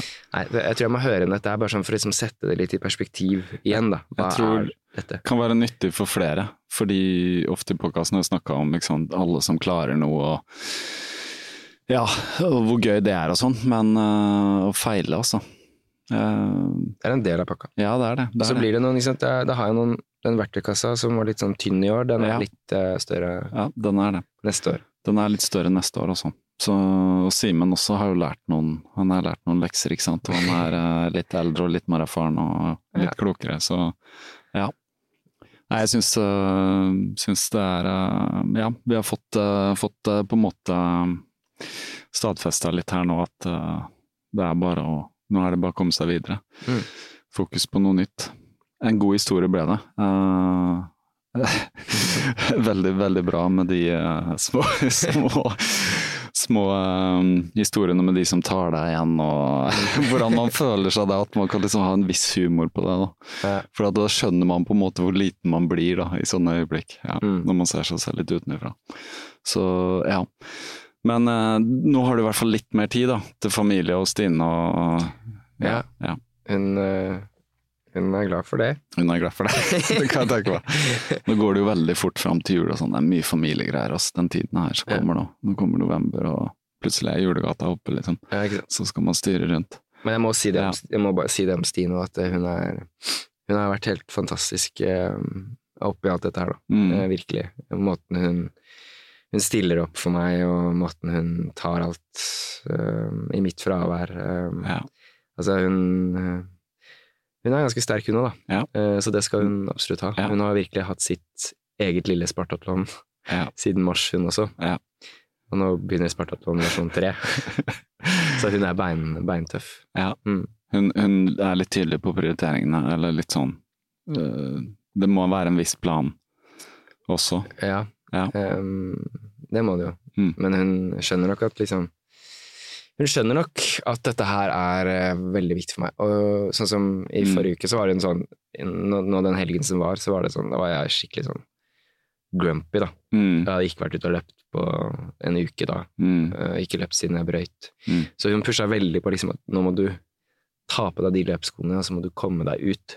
Ja. Fordi det er ikke bra for deg liksom, å ikke nei, løpe. nei. Så jeg bare nei, ikke sant. Men hun Ja. var veldig sånn tydelig på det. at Jo, det Ja. må du. Ja. Du. For det var ikke noe, det var ikke noe Du var ikke skada dårlig eller følte deg sjuk eller sånn at du Nei, bare kunne sliten, Ja, liksom. ja, Eh, Og tappet eh, Ja. for energi og Ja, ja. alt. Men eh, det, det hjalp jo å komme seg ut, og ikke sant. Steg for steg nå, så blir det jo bare bedre. Det blir det. Mm. Nei, altså, uten sammenligning for øvrig, jeg noterte jo bare uten at jeg planla det, at etter den 50 milesen, Oslofjorden rundt, Mm. Så gikk det jo Jeg lot det gå Jeg lar det aldri gå en uke uten at jeg løper, da. Nei. Det bare skjedde. Ja. Jeg bare klarte ikke. Jeg ble sånn Jeg også var uten at Det hadde ikke vært så hardt, men jeg var liksom tappa for. Hadde ikke noe liksom Følte ikke på noe nytt mål og var litt sånn derre Ja, jazz og rødvin. Jazz og rødvin. Det ble jeg litt det, liksom. Og brått er det gått to uker, og så ah, faen må komme seg i gang igjen. Og Ja. nå har jeg jævlig dårlig tid til å nå liksom målet igjen. 200 i måneden-greia, ikke sant. Ja. Så, men det er jo mye gøyere, da, når man løper. Ja, nå løper jo du en del. Ja, nå har jeg, nå har jeg kjørt på, faktisk, og føler meg jævlig heldig. Så kan man bare holde på. September var jeg, som jeg sa, jeg bare følte jeg ble bomba av sånne virus fra alle kanter, altså. Uh, men da ble jeg også litt sånn, jeg ble irritert, da. Mm. Jævla sur når Mm. ikke kroppen er på der Gøy. jeg vil den skal være. Veldig utålmodig. Som også min kone sier til meg sånn Når jeg er syk, så er det blir mye sånn der litt sånn Det blir klaging og Mm. Jeg er nok blitt, blitt bedre på det, men uh, får alltid høre om denne smerteterskelen. det blir sånn sykt, liksom. Ja. Og nå også fra min datter, som er sånn Pappa, sånn, skulle, hvis du hadde kjent hvordan det er med menssmerter, du. Å, da skulle liksom Å, fy søren, du hadde ligget der og krølla deg som en ball. Det får skikkelig høre det. Selv av liksom. henne. Ja, da fikk jeg den. Så, så nå er jeg, nå er jeg i siget, eh, og det er bra. Da blir jeg bare takknemlig. Og det er det fint, 100 miles, da. Ja, altså Man begynner jo plutselig å tenke tanken. da. Jeg snakka jo med deg på telefonen her, sånn, ja, hvis du løper 100 km i uka og sånt, så nå har jeg jo snitta 70 pluss i uka i fire uker på rad, eller noe sånt. Så, så jeg ser jo, uten å liksom legge for mye inn det, men faen, jeg ser jo det går jo saktere enn før, liksom. Jeg må liksom jobbe litt for å komme under seks på kilometeren. Skjønner? Så Ja. det er sånn, det går sakte. Eh, ofte sliten Mm. i beina og sånn. Og der jeg har kjent det også, lårmuskulatur, eh, den har vokst eh, på å løpe mye, altså. Så ja. Så har jeg slengt inn litt så, Ja, men så plutselig så vender kroppen seg til det. Så har jeg slengt inn litt styrke her om dagen, Løper lang intervall på Eller lang intervall, men en del meter på banen. Og føltes bra. Kjente litt på fart igjen, sånne ting. Mm. Så nå bare, ja, litt sånn ydmyk også, da. Krysse fingra for at det kan vedvare, og at jeg kan få en bra Jeg trener jo ikke mot noe akkurat nå, men jeg tenker at hvis jeg får liksom en bra flyt resten av året, så blir det litt lettere å starte på igjen til våren. Det vet jeg av erfaring hvis man har en god Men eh, sånn som med deg, så er jeg litt sånn det, det er veldig mye aksept for at hvis ikke det går, så, så går det. Eh, Jeg tuller litt med den klaginga og sånn, men det er ikke, jeg er ikke så ille som før også. Jeg har kommet meg mange, mange, mange skritt videre i forhold til Det er bra. før. Ja, det er bra. Det er veldig spennende å følge med deg, da. Så, Ja, før du ja vet ordet av det, vet du. Så, Ja, før jeg så står du nede eh, ved Akropolis der Ja. sjæl, og gi det noen år, så står du der. Debuterer folk liksom langt opp i 50-åra, eller? Ja, altså Majoriteten av feltet der er jo sånn 40-50-åra, da. Ja, ikke sant. Mm, Så jeg er jo smågutt. Ja. ja. Lille Magnus, Lille Magnus, som Simen altså. Ja, det er det, vet du. sier. Ja. Han, han er storebror, han. Det skjønner jeg. Store Simen på det. Store Simen. ja, det er gamle mann, kan du si da. Og mobbe den litt. Nei da. Jeg Nei, men det. det Gratulerer til Simen og Line som var her, det er veldig gøy. Og ja, det blir spennende å følge, følge de videre. Og det er gøy å følge med på folk. Mm. Samtidig skal man ikke Ja, bare litt viktig igjen. At ikke man blir sånn Investerer for mye i andre enn seg selv også. Mm. Alle bare kjører vår egen greie. Men det er viktig med litt forbilder, viktig med folk som er eh, ja, autentiske og gjør ting og sånn. Men det må jeg også si da om årets lille norske delegasjon, Mm. at det, det ble en veldig fin Vi var en veldig fin gjeng. Ja. Eh, og vi fikk liksom i år lagt liksom grunnsteinen for eh, Norges Spartatonlaug Ja. Det så jeg at Eyolf også, som har vært der nede mange år og vært der alene, Mm. han satte jo veldig stor pris på det her. da. Mm, mm. Eh, så jeg føler liksom at eh, ja, Ja. årets delegasjon liksom, Vi satte litt preg på, Ja. på arrangementet, da. Og vi ble lagt litt merke til. Mm, Med trøyer og utstyr og diverse. mm. Eh, og ja, hele gjengen med, med Janne som var crew. og Ja, veldig bra. Hun gjorde også en kjempebra jobb. Mm. Eh, som jeg sier at eh, at man, man blir jo litt sånn knytta til disse menneskene òg. Man blir liksom glad i dem, alle sammen. Klart. Blir et lag. Eh, Lagfølelse er uh, viktig. Mm. Så det tar vi med oss neste år. Ja, så vi håper at noen hører, da. Som, eh, eller hører på, kan liksom Ja, vi trenger jo flere. Vi ønsker Ja, ja. å være flere. Jeg vet jo det, det må være masse folk med potensial. Jeg så Simen posta mm. på Facebook Norsk Ultra, og vi trenger flere, liksom. Ja, Ranveig Hansen, for eksempel. Hun tror jeg kunne gjøre en kjempebra Ja, visst, visst. Bjørn, Tore Krohn. Bjørn Tore, absolutt. Um, kanskje Therese Falk. Ja. Uh, altså det, er, det er mange som det er det. til å løpe der nede. Anette Welde Sande, hun er Mm. sikkert god. Mm. Kan, gjøre- hun er god, kan gjøre det bra. Mm. Um, Jeg syns, uh, ja. Det er jo uh, Johansen Wahlstrøm. Ja, ser, bare se sånn generelt, da. Norske løpere gjør jo det kjempebra på Mm. internasjonalt nivå i ultra. Ja. Så det er kjempegøy. Så det, ja, men eh, det er ikke, man kan ikke presse noen. ikke sant? Det er mye løp, og det er mange som er opptatt av trail, og dette vokser jo noe voldsomt. ikke sant? Den trailløpinga og Mm. UTMB er blitt kjempestort. Det er jo kjøpt opp av liksom Ironman, hele den der. Så det er jo litt sånn Det er mye større Ja. her eh, i Norge. ja. Det er blitt stort. Det er stort. Jeg tror nok Spartatland er en litt sånn liten nisje. Ja. Eh, det er mye større i andre land, som Ja. USA og Japan, ja. Storbritannia og Tyskland og sånn. Mm. Mm, Men det, det kan forandre seg, vet du. Mm. Det kan det. Nei, men eh, gøy, Magnus. Takk for at du kom. Uh, Takk for at jeg fikk komme. Ja, ingen, Igjen. Uh, ja ikke sant. Setter pris på det. Uh, nei, men jeg håper det at dere som har lyttet også fikk noe ut av det her. Litt underholdning er det, litt lærdom, litt, litt av hvert. Ja. Mm. Men takk, vi snakkes snart igjen. Eh, kanskje til jul. Det gjør vi kanskje, vet du.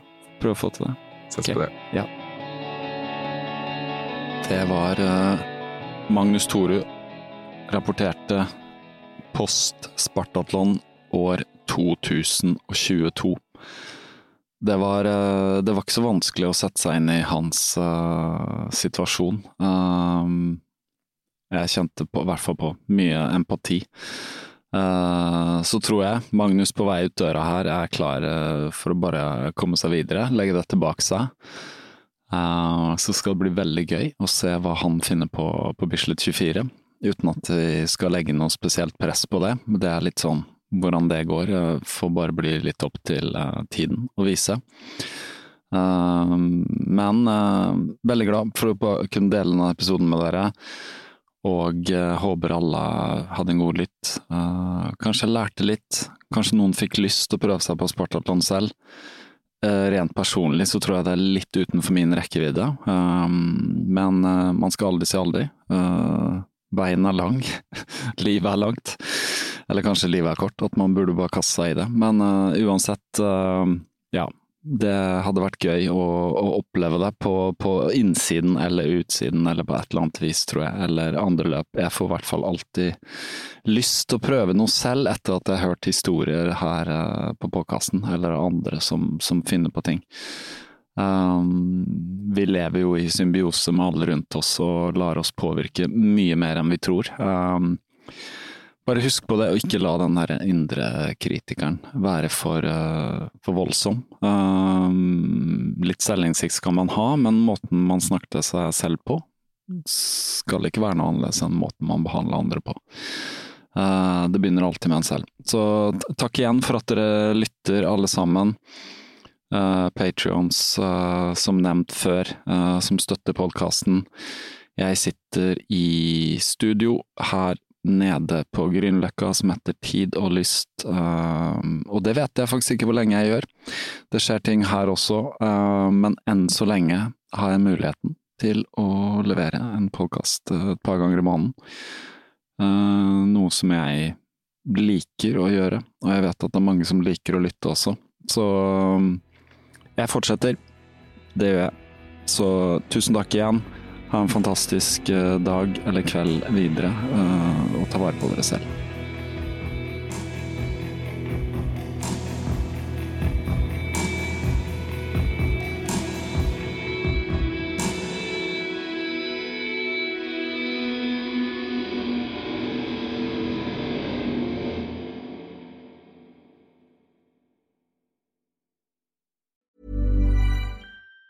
Even on a budget quality is non-negotiable. That's why Quince is the place to score high-end essentials at 50 to 80% less than similar brands. Get your hands on buttery soft cashmere sweaters from just 60 bucks, Italian leather jackets, and so much more. And the best part about Quince, they exclusively partner with factories committed to safe, ethical, and responsible manufacturing. Elevate your style without the elevated price tag with Quince. Go to quince.com slash upgrade for free shipping and 365-day returns. Hold up. What was that? Boring. No flavor. That was as bad as those leftovers you ate all week. Kiki Palmer here, and it's time to say hello to something fresh and guilt-free. Hello Fresh. Jazz up dinner with pecan-crusted chicken or garlic butter shrimp scampi. Now that's music to my mouth. Hello Fresh. Let's get this dinner party started. Discover all the delicious possibilities at hellofresh.com. Imagine the softest sheets you've ever felt. Now imagine them getting even softer over time. That's what you'll feel with Bowl and Branch's organic cotton sheets. In a recent customer survey, 96% replied that Bowl and Branch sheets get softer with every wash. Start getting your best night's sleep in these sheets that get softer and softer for years to come. Try their sheets with a 30-night guarantee. Plus, get 15% off your first order at bowlandbranch.com. Code BUTTERY. Exclusions apply. See site for details.